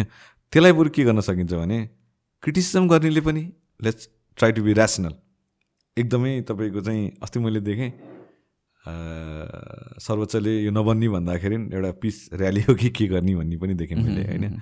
सो उहाँहरूलाई मेरो रिक्वेस्ट पर्टिकुलरली के छ भने try to understand the economic side of it होइन? तपाईँको इन्भाइरोमेन्टल साइड मात्रै त होइन होला नि त। होइन तपाईँहरूप्रति मेरो फुल सिम्पेथी छ फुल सपोर्ट छ इन्भाइरोमेन्टल एउटा कन्सर्न हो तर ट्राई टु सी अलिकति त्यसमा पनि। भन्ने छ। त्यही छ निजगढको एयरपोर्टको विषयमा धेरै गफ भयो। ओके ओके सो यसपालिको बजेटमा छुटेको कुरा के छ मेन कुरा? के हुनुपर्ने थियो यसपालिको बजेटमा के हुनु पर्थ्यो मेरो विचारमा भने इम्पोर्ट सरी एक्सपोर्टको लागि तपाईँको चाहिँ चारवटा कुराहरूलाई राखेको छ। क्लिङ्कर स्टिल फुटवेयर र प्रोसेस वाटर यो चारवटा कुरामा चाहिँ तपाईँको एक्सपोर्ट सब्सिडी दिने भन्ने कुरा चाहिँ यो लिस्ट चाहिँ अझै अलिकति बढ्न पर्थ्यो। This should have included other top selling Nepalese items like तपाईँको कार्पेट पस्मिना अनि तपाईँको अरू जस्तै यो इभन हाम्रो चिजहरू होइन यिनी यिनीहरू यिनीहरू पनि आउन पर्थ्यो। जुन चाहिँ नेपालको कम्पिटेटिभ एडभान्टेज भएको चिजहरू थियो। एउटा त्यो आउन सक्थ्यो। अर्को मेरो मेरो लागि चाहिँ जुन यो गभर्मेन्टको रुग्न उद्योग भन्छ हामी सिक इन्डस्ट्री भन्छौँ त्यो सिक इन्डस्ट्रीलाई रिभाइभ गर्नलाई कुरा त आयो तर अझै अलिकति कङ्क्रिट रूपमा आउनु पर्थ्यो के industry? Sick industries. Sick? Sick industry रुग्न उद्योग भन्छ। त्यो भनेको जस्तै बन्द भइरहेको? हजुर। तपाईँको गभर्मेन्टको प्रोजेक्टहरू जुन चाहिँ बन्द छ। अलिकति चाहिँ कन्सर्न आयो तर त्यसलाई चाहिँ नेपालको सेयर मार्केट पुँजी बजारसँग क्यापिटल मार्केटसँग जोडेर त्यसलाई चाहिँ पब्लिक प्राइभेट पार्टनरसिपमा लिएर गएर सञ्चालन नै गर्छु। एटलिस्ट एउटा चाहिँ यो आर्थिक वर्षभित्र सञ्चालन गर्ने बनाउँछु भने भए I think that would given अलिकति राम्रो मेसेज त्यो चाहिँ राम्रो मेसेज हुनसक्थ्यो एउटा त्यो आएन। अर्को चाहिँ तपाईँको हाम्रो ट्याक्सको इम्प्लिमेन्टेसनको कुरामा there needs to be significant upheaval नै भनौँ न सिग्निफिकेन्ट त्यो त्यो एउटा डिसअर्डर नै चाहिएको छ कन्स्ट्रक्टिभ डिसअर्डर नै चाहिएको छ। किनभने हाम्रो इकोनोमी धेरै नै इन्फर्मल छ क्या अझै पनि। अब त्यो धेरै नै इन्फर्मल इकोनोमी हुँदाखेरि चाहिँ हाम्रो इकोनोमीको वास्तविक चित्र पनि आइरहेको छैन। र government is losing huge amount of tax. अब एकैचोटि त्यसलाई फर्मल ल्याउन पनि मिल्दैन from economic sense you mean like businesses जुन चाहिँ ट्याक्सको दायराभित्र छैन? Business दायराभित्र भएर पनि ट्याक्स तिरिरहेको तिरिरहेको छैन। राइट राइट सो त्यो त्यो चाहिँ किन भन्दाखेरि because of faulty implementation of the tax laws एकदमै हाम्रो चाहिँ कम्प्लेक्स छ नि त जस्तो तपाईँ ट्याक्स तिर्नु जानुभयो भने अब कहाँ हो कहाँ कम्पनी स्टार्ट गर्नु जाँदा त कस्तो छ अवस्था हामीलाई थाहा छ। हो नि हो। त्यो भएको भएर त्यसमा चाहिँ एउटा त्यसको इम्प्लिमेन्टेसनमा चाहिँ अलिकति राम्रो कदम आउँछ कि जस्तो लाग्छ? त्यो त्यो त्यो चाहिँ अर्को चाहिँ from tax payers point of भ्यूबाट पनि आउने क्वेसन भन्नु भनेको चाहिँ मैले ट्याक्स पे गर्नको लागि मेरो मोटिभेसन के पहिलो कुरा त म ट्याक्स पे गर्छु भनेर जाँदाखेरि पनि मलाई झन् गाह्रो छ। झन् ट्याक्स पे गर्न जाउँ झन् गाह्रो मलाई। होइन? अनि त्यो ट्याक्स पे गरेको अनुसारले मलाई केही बेनिफिट पनि छैन भन्ने क्वेसनहरू पनि आउँछ। होइन? सो यो I think it works as a whole एउटा इकोसिस्टम नै जस्तो लाग्छ कि? किनभने जेनरल पब्लिकलाई ट्रस्ट भयो भने पनि I think more people will be motivated to हुन्छ नि पे ट्याक्स अब अहिले त ट्याक्स पे गर्न गाह्रो पनि एउटा फ्याक्टर त हो कि? ट्याक्स पे गर्ने इन्टेन्सन नै छैन कि मान्छेहरूको? बुझ्नु भएन motivation factor so this is like गभर्मेन्टतिर trust नभएको पनि हो एउटा हिसाबले त। होइन सो मेरो ट्याक्स मनी राम्रो युटिलाइज हुन्छ भनेर थाहा भएपछि या त्यो ट्रस्ट दिलाउन सक्यो भने I think more people will motivated as well र अफकोर्स टाइटन चाहिँ गर्नै पर्छ यो कुरा त। यस्तो छ ट्याक्सको लागि लिएर त तपाईँको संसारभरि यही डिबेट हो। तर अब एउटा पपुलर भनाइ के छ भने there are only two things in life you can't avoid अरे क्या? एउटा डेथ एउटा ट्याक्स होइन अब त्यो ट्याक्स भनेको इट्स अ पार्ट अफ तपाईँको सोसियल जस्टिसको पार्ट हो। अब केही भइरहेको छैन भन्ने पनि होइन क्या। फेरि अब यो कहिलेकाहीँ हाम्रोमा एकदमै पेसिमिस्टिक नेरेटिभ पनि जान्छ। अब बिकज तपाईँ हामीले पे गरेको ट्याक्सले सरकारले स्कुल बनाइरहेको छ होला अब त्यो ऱ्याम्पेन्ट करप्सन छ तपाईँको चाहिँ मिसम्यानेजमेन्ट छ अनएकाउन्टेबिलिटी छ अब नन ट्रान्सपेरेन्सी छ अब त्यो त्यो होला। तर that that's a very gradual process नि त आजको भोलि नै चेन्ज हुने त होइन। ट्याक्स त पे गर्नै पर्छ। अब त्यो ट्याक्स पेमेन्ट गरेको युटिलाइजेसन चाहिँ कस्तो हुन्छ भने only if you pay tax नि त। अनि देन इट पिन्चेस यु क्या अनि तपाईँलाई दुख्छ। अनि बल्ल चाहिँ ए खै मैले गरेको ट्याक्सको पैसा खै त? भन्ने हुन्छ। So it works both ways मैले ट्याक्स तिरेपछि बल्ल म एकाउन्टेबल हुन्छु सरकारलाई एकाउन्टेबल बनाउन। होइन? अब मैले ट्याक्सै तिरेन भने भोलि सरकारले जसलाई खै ट्याक्स तिरेको भने त फेरि अब त्यो त्यो गर्नै भइहाल्यो त होइन? त्यही भएर अब इट वर्क्स बोथ वेज हामीले चाहिँ सकेसम्म आफ्नो साइडबाट ट्याक्स पे गर्ने नै नीति लिनुपर्छ जस्तो लाग्छ।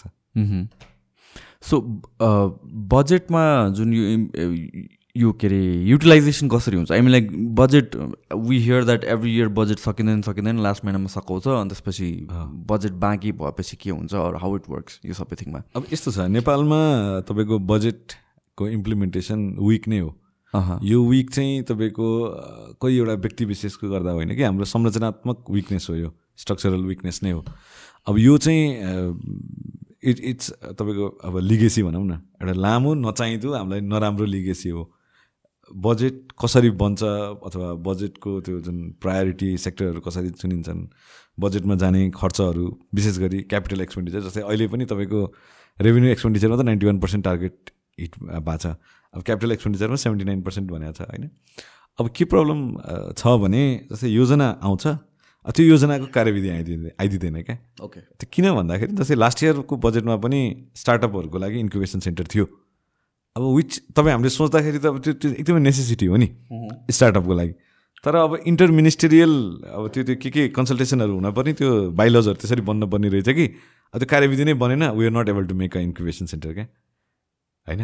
अब त्यो किन हो भन्दाखेरि अब त्यो क्यापिटल एक्सपेन्डिचर भएन नि त जति बजेट आएको थियो। फन्डले मात्रै एभ्रिथिङ फन्डले मात्रै त भएन किनभने गभर्मेन्टले त छुट्याइदिएको थियो। हो। होइन? हामीले तपाईँको चाहिँ लबी गरेर त्यो त्यो भएको थियो। तर अब त्यो इम्प्लिमेन्टेसनमा गएन। होइन? अब यस्तो प्रब्लम छ क्या? अब लास्ट इयरको इन्ट्रेस्टिङ स्टोरी भन्छु। त्यो इन्क्युबेसन सेन्टर चाहिँ किन बनेन भन्दाखेरि अब ल्यान्ड नै एभाइलेबल भएन क्या। प्राइभेट ल्यान्डमा गर्न नमिल्ने अब त्यो ल्यान्डको एभाइलेबिलिटी एकदमै कम भयो होइन। सो अब यस्तो प्रब्लमहरू छ। अब अर्को प्रब्लम के छ भने तपाईँको हाम्रो मोनिटरिङ मेकानिजम पनि कमजोर छ। पहिलो कुरा त यो हाम्रो कार्यविधिको सिस्टम कम कमजोर छ। अर्को कुरा हाम्रो चाहिँ मोनिटरिङको मेकानिजम छ। अब अलिकति टेक्निकल हुन्छ भने मैले अघि भनिनँ।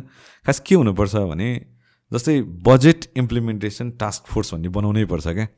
त्यसलाई चाहिँ सबै मोनिटर सबै सबै सबै मिनिस्टेरियल लेभलको जस्तै शिक्षा मन्त्रालयमा तपाईँको चाहिँ यदि चार महिनाभित्र उनीहरूको टार्गेटको ट्वेन्टी फाइभ पर्सेन्ट खर्च भएन भने त्यहाँ क्राइसिस अलार्म बज्नै पर्छ। यो चाहिँ किन भएन?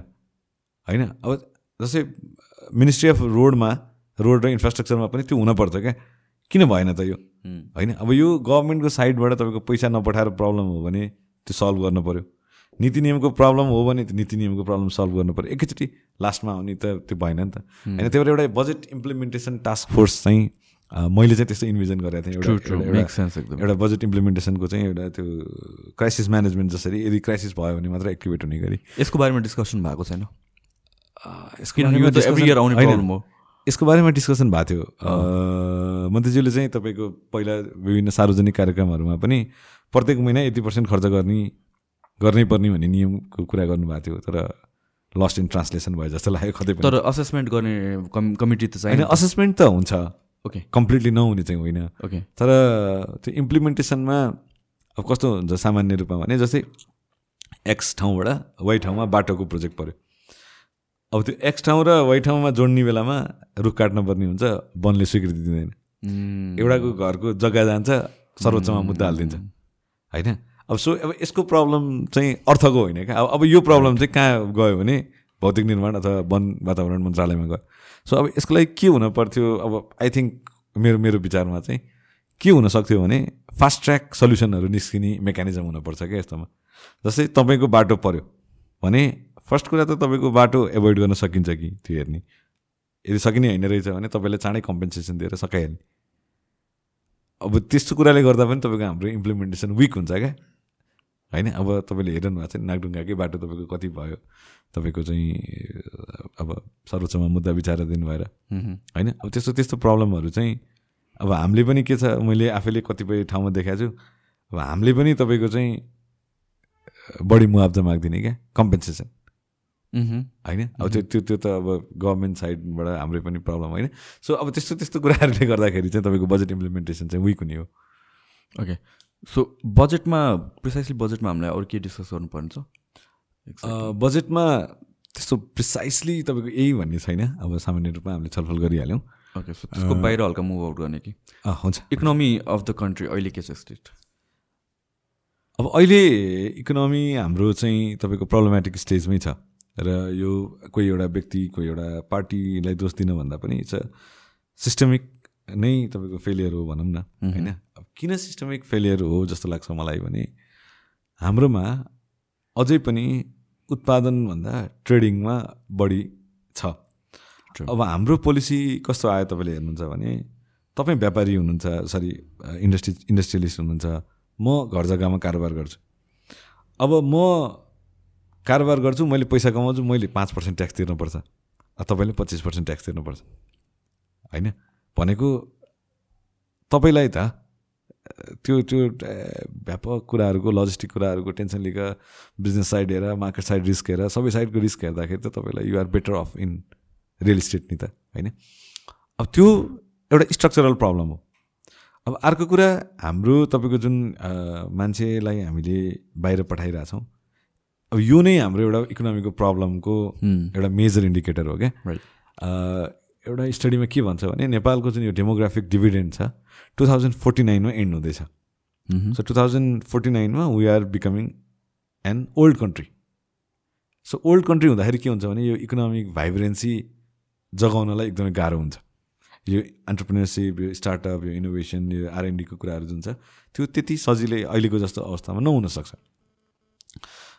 अब रेमिटेन्सको अब it's a very clichéd thing होइन? अब रेमिटेन्स भित्रिन्छ सामान इम्पोर्ट गर्दाखेरि त्यही पैसा फेरि बाहिर जान्छ। सो त्यो पैसा होल्ड हुने ठाउँ छैन। अब इन्भेस्टमेन्टमा तपाईँको चाहिँ जस्तै कम्पनी दर्ता गर्दादेखि कम्पनी बन्द गर्दादेखि हामीलाई हरेक स्टेजमा यहाँ रोक लगाइएको छ। होइन? त्यो त्यो त एउटा प्रब्लम हो नि त। अब तपाईँलाई सामान्य कोही कुरा चेन्ज गर्न जानु पऱ्यो अमेन्ड गर्न जानु पऱ्यो त्यो ज्वरो आउँछ त्यहाँ जानुभन्दा अगाडि। कम्पनी कम्पनी खोल्नुभन्दा कम्पनी बन्द गर्न अब अब त्यो त्यो ट्याक्स तिर्न जान पनि प्रब्लम छ। के हो त्यसको प्रब्लम होइन? अब त्यो त्यो पनि एउटा आफ्नो समस्या छ। अब मेजर तपाईँको चाहिँ इकोनोमीको हाम्रो प्रब्लमहरू भनेको चाहिँ we are not focusing on production based होइन? हाम्रोमा प्रोडक्सन बेस्ड हुन सक्दैन भने what is our economic agenda economic priority के हो? त्यो त्यो क्लिन स्लेटमा लेख्नुपर्ने जरुरी भइसक्यो क्या अहिले चाहिँ। क्लिन स्लेटमा लेख्न किन जरुरी भयो भने ठिक छ तपाईँको मान्छे बाहिर जानु नै नराम्रो कुरा होइन। तपाईँले साउथ कोरियाको हेर्नुभयो अथवा जापानकै इकोनोमी हेर्नुभयो इभन चाइनाकै हेर्नुभयो भने एक्सपर्टहरू त्यहाँबाट टेक्निकल स्किलहरू सिकेर आएर गरेको धेरै उदाहरणहरू छ होइन?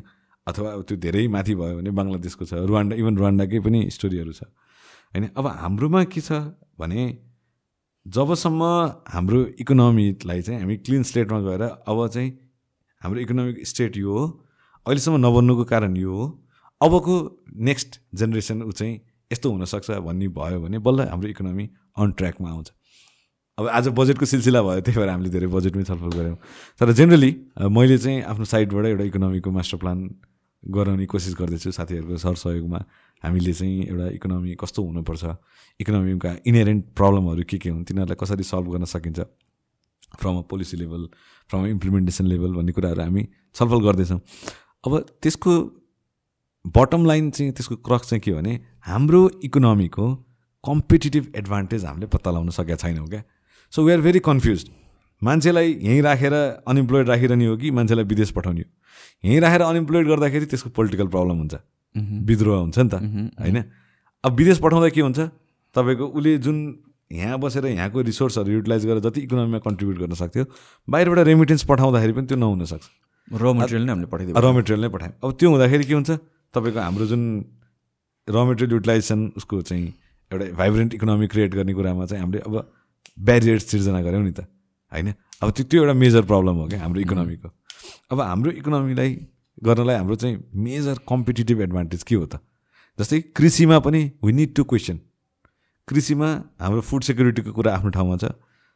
Are we better off rice plantation नै गरेर अथवा आर वी बेटर अफ त्यसलाई सब त्यसलाई सब्सटिट्युट गरेर अरू कुनै फर्ममा लैजाने हो कि? हाई भ्यालु क्रपमा पो लैजाने हो कि? अब एग्रिकल्चरमा तपाईँको चाहिँ कमर्सियलाइजेसन मोडर्नाइजेसनको कुरा छ त्यसलाई कसरी लाने हो? होइन? भनेको यस्तो अलि अलिकति इन्टिमिडिएट नहुने गरी आफ्नो इकोनोमीलाई क्वेसन गर्दै लान पर्ने छ। अब हामी कस्तो नेरेटिभ सेट गर्छौँ भने हाम्रो इकोनोमीको ऋण क्या? नेपालको जिडिपीको। जिडिपीको अनुपातमा हाम्रो ऋण चाहिँ अलमोस्ट फोर्टी टू पर्सेन्ट छ। वेरेज सिक्सटी पर्सेन्टभन्दा त्यो त तल छ भने द्याट्स फेयर क्या? सो युजली अरू कन्ट्रिजमा पनि हुन्छ हुन्छ नि। तपाईँको हन्ड्रेड पर्सेन्टभन्दा माथि हुन्छ जापानकै हन्ड्रेड सिक्स पर्सेन्ट छ। जिडिपीको होइन? अब त्यो त्यो म्यासिभ लोन भएको कन्ट्रीहरू हुन्छ नि त। भनेको अब हाम्रो इकोनोमी या यो नेरेटिभलाई चाहिँ आई थिङ्क टु मच बेला बेलामा सेल गरिरहेको छ। इस्ट नेपालीको टाउकोमा यति पऱ्यो इस्ट नेपालीको टाउकोमा यति पऱ्यो भनेर। इट्स नट अबाउट कतिको लोन टाउकोमा पऱ्यो त्यो लोनले चाहिँ कतिको इन्भेस्ट गरेर त्यसलाई अझ बेटर पार्न सकिन्छ भन्ने कुरा हो नि। सामान्य रूपमा हेर्नु न। अब मैले लोन लिएर तपाईँको चाहिँ मोज मस्ती गरिरहेको छु भने त्यो त गलत कुरा त्यो हो। डिफ्रेन्ट थिङ अब मैले लोन लिएर तपाईँको चाहिँ कुनै बिजनेसमा लगाइरहेको छु जसको चाहिँ रिटर्न आउन टाइम लाग्छ भने त that's a very good thing नि त। या आई थिङ्क हाम्रो यो सोसाइटीको एउटा भन्नु पहिलादेखि सुन्दा आएको एउटा वान अफ द नेरेटिभ्स पनि हो कि वेयर लोन चाहिँ नराम्रो हो भन्ने कुरा हिसाबले हामी बच्चादेखि सुन्छौँ नि त। ऋण नलिनु ऋण नलिनु लोन लिनु हुँदैन। मलाई पनि त्यस्तै लाग्थ्यो कि। लङ टाइम मैले आफ्नो बिजनेस स्टार्ट गरिसकेपछि पनि मलाई त्यस्तै लाग्थ्यो। तर apparently all the big businesses बिजनेसम्यानहरू all the big इन्डस्ट्रिजहरू एनिवेयर इन द वर्ल्ड नेपालमा जहाँ भए पनि लो आफूसँग पैसा हुँदा हुँदा पनि लोन लिन्छ नि कि। लोन लिएर नै बिजनेस ग्रो गर्ने हो। So I think and it's the same when it comes to country as well loan लिएर नै कन्ट्री डेभलप गर्ने हो तर त्यो डेभलपमेन्ट प्लान चाहिँ पर्फेक्ट हुनु पऱ्यो. नट त्यो लोन लिएर उडाउनु भएन त्यही त हो नि लोन लिएर तपाईँको भन्छ नि हाम्रो नेपालीमा उखान छ। ऋण लिएर घिउ नखानु हुन्छ क्या। त्यो त्यो ऋण लिएर घिउ खानु भएन।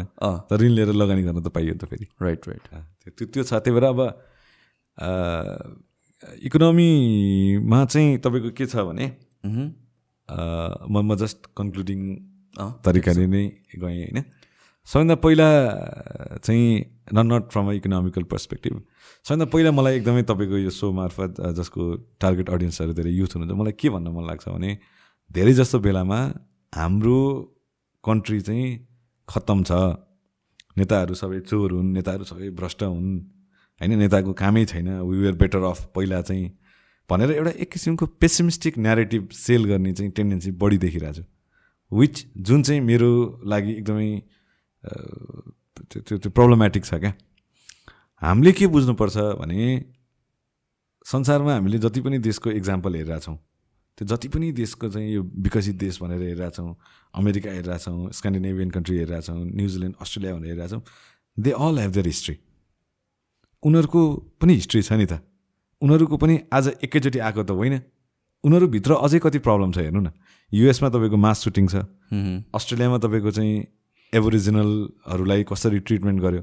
अब अहिलेको अहि- अहिले अस्ट्रेलियाको प्रधानमन्त्री भएको मान्छे चाहिँ त्यो एबोरिजिनलहरूलाई ट्रिब्युट दिन पनि गएन अरे एपोलोजाइज गर्न पनि गएन अरे होइन?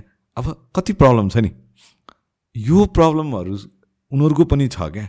हामीले त्यो बुझ्नुपर्छ। हामीले एज अ युथ के बुझ्नुपर्छ भने नेपालमा लामो समयसम्म तपाईँको चाहिँ एउटा सेन्ट्रलाइज सिस्टम अफ मोनार्कीले काम गर्यो। हाम्रोमा एजुकेसन पढ्न पर्छ लेख्न पर्छ विचार सम्प्रेषित गर्ने विचार बनाउने प्रक्रिया नै धेरै पछि सुरु भएको। होइन? जस्तै मेरो फ्यामिलीमा अहिले एभरेज फ्यामिलीमा नेपाली कुरा गर्नुहुन्छ भने हाम्रो उमेरको मान्छे फर्स्ट जेनेरेसन पढेको मान्छे हुन्छ। हाम्रो जेनेरेसनको मान्छे क्या? होला होला कसैको दुई सेकेन्ड जेनेरेसन कसैको थर्ड जेनेरेसन होला। तर एभरेजमा चाहिँ फर्स्ट जेनेरेसन पढेको हो नि। फर्स्ट जेनेरेसन पढेको हुँदाखेरि उसको सोच्ने तरिका उसको विचार निर्माण गर्ने तरिका उसको डेभलपमेन्टलाई बुझाइ गर्ने तरिका उसको चाहिँ तपाईँको एउटा पोलिटिकल कन्सियसनेसका कुराहरू त फरक हुन्छ नि। इन कन्ट्रास्ट तपाईँको चाहिँ युरोपियनहरू त हामीले पढ्छौँ त सक्रेटिसहरूको पालादेखिमा उनीहरू चाहिँ डेमोक्रेसी भने के हो? भनेर चाहिँ छलफल गरिरहेको थिए। उनीहरूकोमा एजुकेसन सिस्टम त्यतिखेरदेखि सुरु भइसकेको थियो। उनीहरूको एजुकेसन सिस्टम चाहिँ फ्री ओपन अथवा भनौँ न त त्यसपछि त्यति छोडिदिनु सिक्सटिन सेन्चुरीपछि त उनीहरूकोमा त एजुकेसन सिस्टम त सुरु भयो नि। So we are gradually developing as a country त्यो हुँदाखेरि अहिले सूचना प्रविधि फास्ट भयो भन्दैमा हामी चाहिँ तुरुन्तका तुरुन्त फास्ट हुने होइन। अनि जहिले पनि पोलिटिक्सलाई गाली गर्दाखेरि चाहिँ it's kind of like blame game जस्तो क्या होइन? It's kind of like blame game so मेरो चाहिँ के भिजन छ भने देश भनेको एउटा कलेक्टिभ एफोर्ट हो। नेताले गर्दा मात्रै देश बिग्रिने पनि होइन नेताले मात्रै गरेर देश सप्रिने पनि होइन। It's a very contribution contribution based कुरा हो नि त एउटा कन्सेप्ट हो नि त देश भनेको त। त्यो भएको भएर देशमा जे हुन्छ म त्यसको रिफ्लेक्टिभ हो क्या। र म जस्तो छु देश त्यसको रिफ्लेक्सन हो। होइन? म मेहनती छु भने मैले काम गर्ने अथवा मैले काम लगाउने दुई चारजना अरू मे एनर्जेटिक हुनु पऱ्यो अरू मेहनती हुनु पऱ्यो र देश त्यसरी बन्ने हो नि त। सो त्यही भएर यो गलत नेरेटिभबाट हामी छुट्नै पर्छ। नेताहरू गलत छन् भने गलत छन् भन्न पऱ्यो सही ठाउँमा सही तरिकाले प्रोटेस्ट गर्नु पऱ्यो होइन त पावर अफ प्रोटेस्ट त हामीले देखिरहेछौँ नि त। त्यही भएर सबैभन्दा पहिलो कुरा चाहिँ अलिकति मलाई एकदमै भन्न मन लागिरहेको कुरा थियो तपाईँको सो मार्फत मैले भनिहालेँ। त्यही भएर सबैभन्दा पहिलो कुरा चाहिँ let's stop this blame game let's हामीले देख्यौँ त पावर अफ भोट त देख्यौँ नि होइन? लेट्स युज द्याट होइन? Let's encourage more use into politics एउटा त्यो कुरा छ। अब अर्को तपाईँको यो इकोनोमी भन्ने कुरा पनि र प्रस्पेरिटी भन्ने कुरा पनि it's a very sequential process यो चाहिँ एकैचोटि रातारात परिवर्तन हुने होइन। रातारात तपाईँको इकोनोमीलाई लिएर लिने पर्सपेक्टिभ र मलाई लिने पर्सपेक्टिभ पनि परिवर्तन हुने होइन। यो ग्रेजुअल परिवर्तन हुँदै जाने हो। यसको लागि होला नेताको चेन्ज हुनु पर्ला ब्युरोक्रेसी चेन्ज हुनु पर्ला हाम्रो सोसियो कल्चरल फ्याक्टरहरू चेन्ज हुन पर्ला होइन? We are just reaching at that stage जहाँ चाहिँ हामी अब इकोनोमीको कुरा गर्दैछौँ। आजभन्दा अगाडि त हामी इकोनोमिक प्रायोरिटी नै थिएन। होइन? तपाईँको हामीसँग जनताले लेखेको संविधान थिएन दुई हजार त्रिसठी सालसम्म दुई हजार बहत्तर सालसम्म होइन? अब तपाईँको डिसेन्ट्रलाइज चाहिँ तपाईँको त्यहीँको लोकल मान्छेले पोलिसी लेभलमा आउने प्लेटफर्म थिएन संहिता कानुन हुँदा अगाडि। भनेको त हामी पोलिटिकल एजेन्डाबाट बल्ल ग्रेजुएट हुँदैछ क्या इकोनोमिक एजेन्डामा इट विल टेक टाइम त्यो भन्दैमा फेरि अब यो टाइम हुन्छ अब यो भइहाल्छ नि भन्ने पनि होइन। तर क्रिटिसिजम गरिरहँदाखेरि हामीले के बुझ्नु पऱ्यो भने हामी हाम्रो लागि इकोनोमिक एजेन्डा चाहिँ बल्ल स्टार्ट भएको छ। दस पन्ध्र वर्ष भयो। जबकि अरू देशको लागि धेरै अगाडिबाट सुरु भइसकेका छ होला। हो हामीले वी निड टु क्याचअप र त्यसको ठुलो अभिभारा त्यसको ठुलो रेस्पोन्सिबिलिटी तपाईँको मेरो हो क्या। हामी सबैको कलेक्टिभली एज अ युथको होइन? त्यो भन्दै गर्दाखेरि चाहिँ हामी देशको नीति निर्माणदेखि लिएर त्यसको तपाईँको चाहिँ इम्प्लिमेन्टेसन पार्टमा पोलिसी मेकिङ पार्टमा ब्लाइन्डली चाहिँ तपाईँको ए यो त्यसमा यस्तो भएन यो त्यस्तो भएन। भनेर त्यसरी एकदमै एनालिजम हुन्छ नि त्यो त्यो त्यो त्यो एकदम जिरो गराइदिने जे कुरालाई। त्यसमा चाहिँ लाग्नु भएन। यो यो चाहिँ मेरो एकदमै रिक्वेस्ट हो हम्बल रिक्वेस्ट हो भनौँ न। लेट्स लेट्स ट्राई यो तपाईँ हामीले नै बनाउने हो। होइन अब सुरुवातको केही झिल्काहरू हामीले देखिरहेछौँ त्यसलाई एक्सप्लोर गर्ने होला कि त्यसलाई एक्सपान्ड गर्ने होला कि होइन? अब त्यसरी नै जाँदै गर्नुपर्ने। र अर्को कुरा चाहिँ as a system we are developing क्या we need to acknowledge this fact हिजो तपाईँको चाहिँ चुनाव हुँदा कसैलाई त्यस्तो इन्ट्रेस्ट हुँदैन नि। अब आज काठमाडौँमा बालेन उठ्दाखेरि देशभरिलाई चाहिँ चासो भयो। धरानमा हर्क साम्पाङ राई उठ्दा देशभरिलाई चासो भयो। अब अब मान्छेले चाहिँ एकाउन्टेबिलिटी पनि खोज्नु थाल्छ नि त। हिजोको दिनमा त्यो थिएन। तपाईँले हेर्नुहुन्छ म मैले कसरी हेरिरहेको छु भने महिला हिंसा त पहिला नहुने त होइन नि। जस्तै फिमेलको सेक्सुअल हेरेसमेन्टदेखि लिएर तपाईँको प्याट्रियार्की त पहिला पनि झन् स्ट्रङली थियो नि। तर वाइ अहिले किन आवाज आइरहेछ? Because we have gained we have achieve that freedom जहाँ चाहिँ हामीले हाम्रो पोलिटिकल माइन्ड सेट चाहिँ चेन्ज भइरहेछ क्या। अहिले तपाईँको एलजिबिटी क्यु कम्युनिटीहरू अथवा महिला दलित होइन यो सबैको राइटको कुराहरू आइरहेछ नि सबैको फ्रिडमको कुराहरू आइरहेछ नि। इट्स भेरी सिक्वेन्सियल प्रोसेस क्या। अब हामी एकैचोटि चाहिँ फेरि सप्रेस्टबाट एकैचोटि इकोनोमिकली भाइब्रेन्टमा हुन्छ भन्ने होइन। It's a very plan process it's a very develop develop हुने प्रोसेस होइन। त्यही भएर मेरो चाहिँ के छ भने देश बन्छ। बनाउने तपाईँ हामीले हो। र लेट्स स्टार्ट कन्ट्रिब्युटिङ अब हाम्रो साइडबाट के गर्न सकिन्छ? चाहे त्यो भिजनले गरेर हुन्छ चाहे तपाईँले चाहिँ इम्प्लिमेन्टेसनमै गरेर हुन्छ चाहे तपाईँले एज अ वाच डग बनेर हुन्छ चाहे तपाईँ विदेशै बसेर पनि स्किल एक्सपोर्ट गरेर अथवा पैसा ल्याएर हुन्छ जुनसुकै फर्ममा let's let's do this we can do this okay thank you so much thank you so much Santosh thank you thank you मलाई बोलाउनु भएकोमा धेरै धेरै धन्यवाद।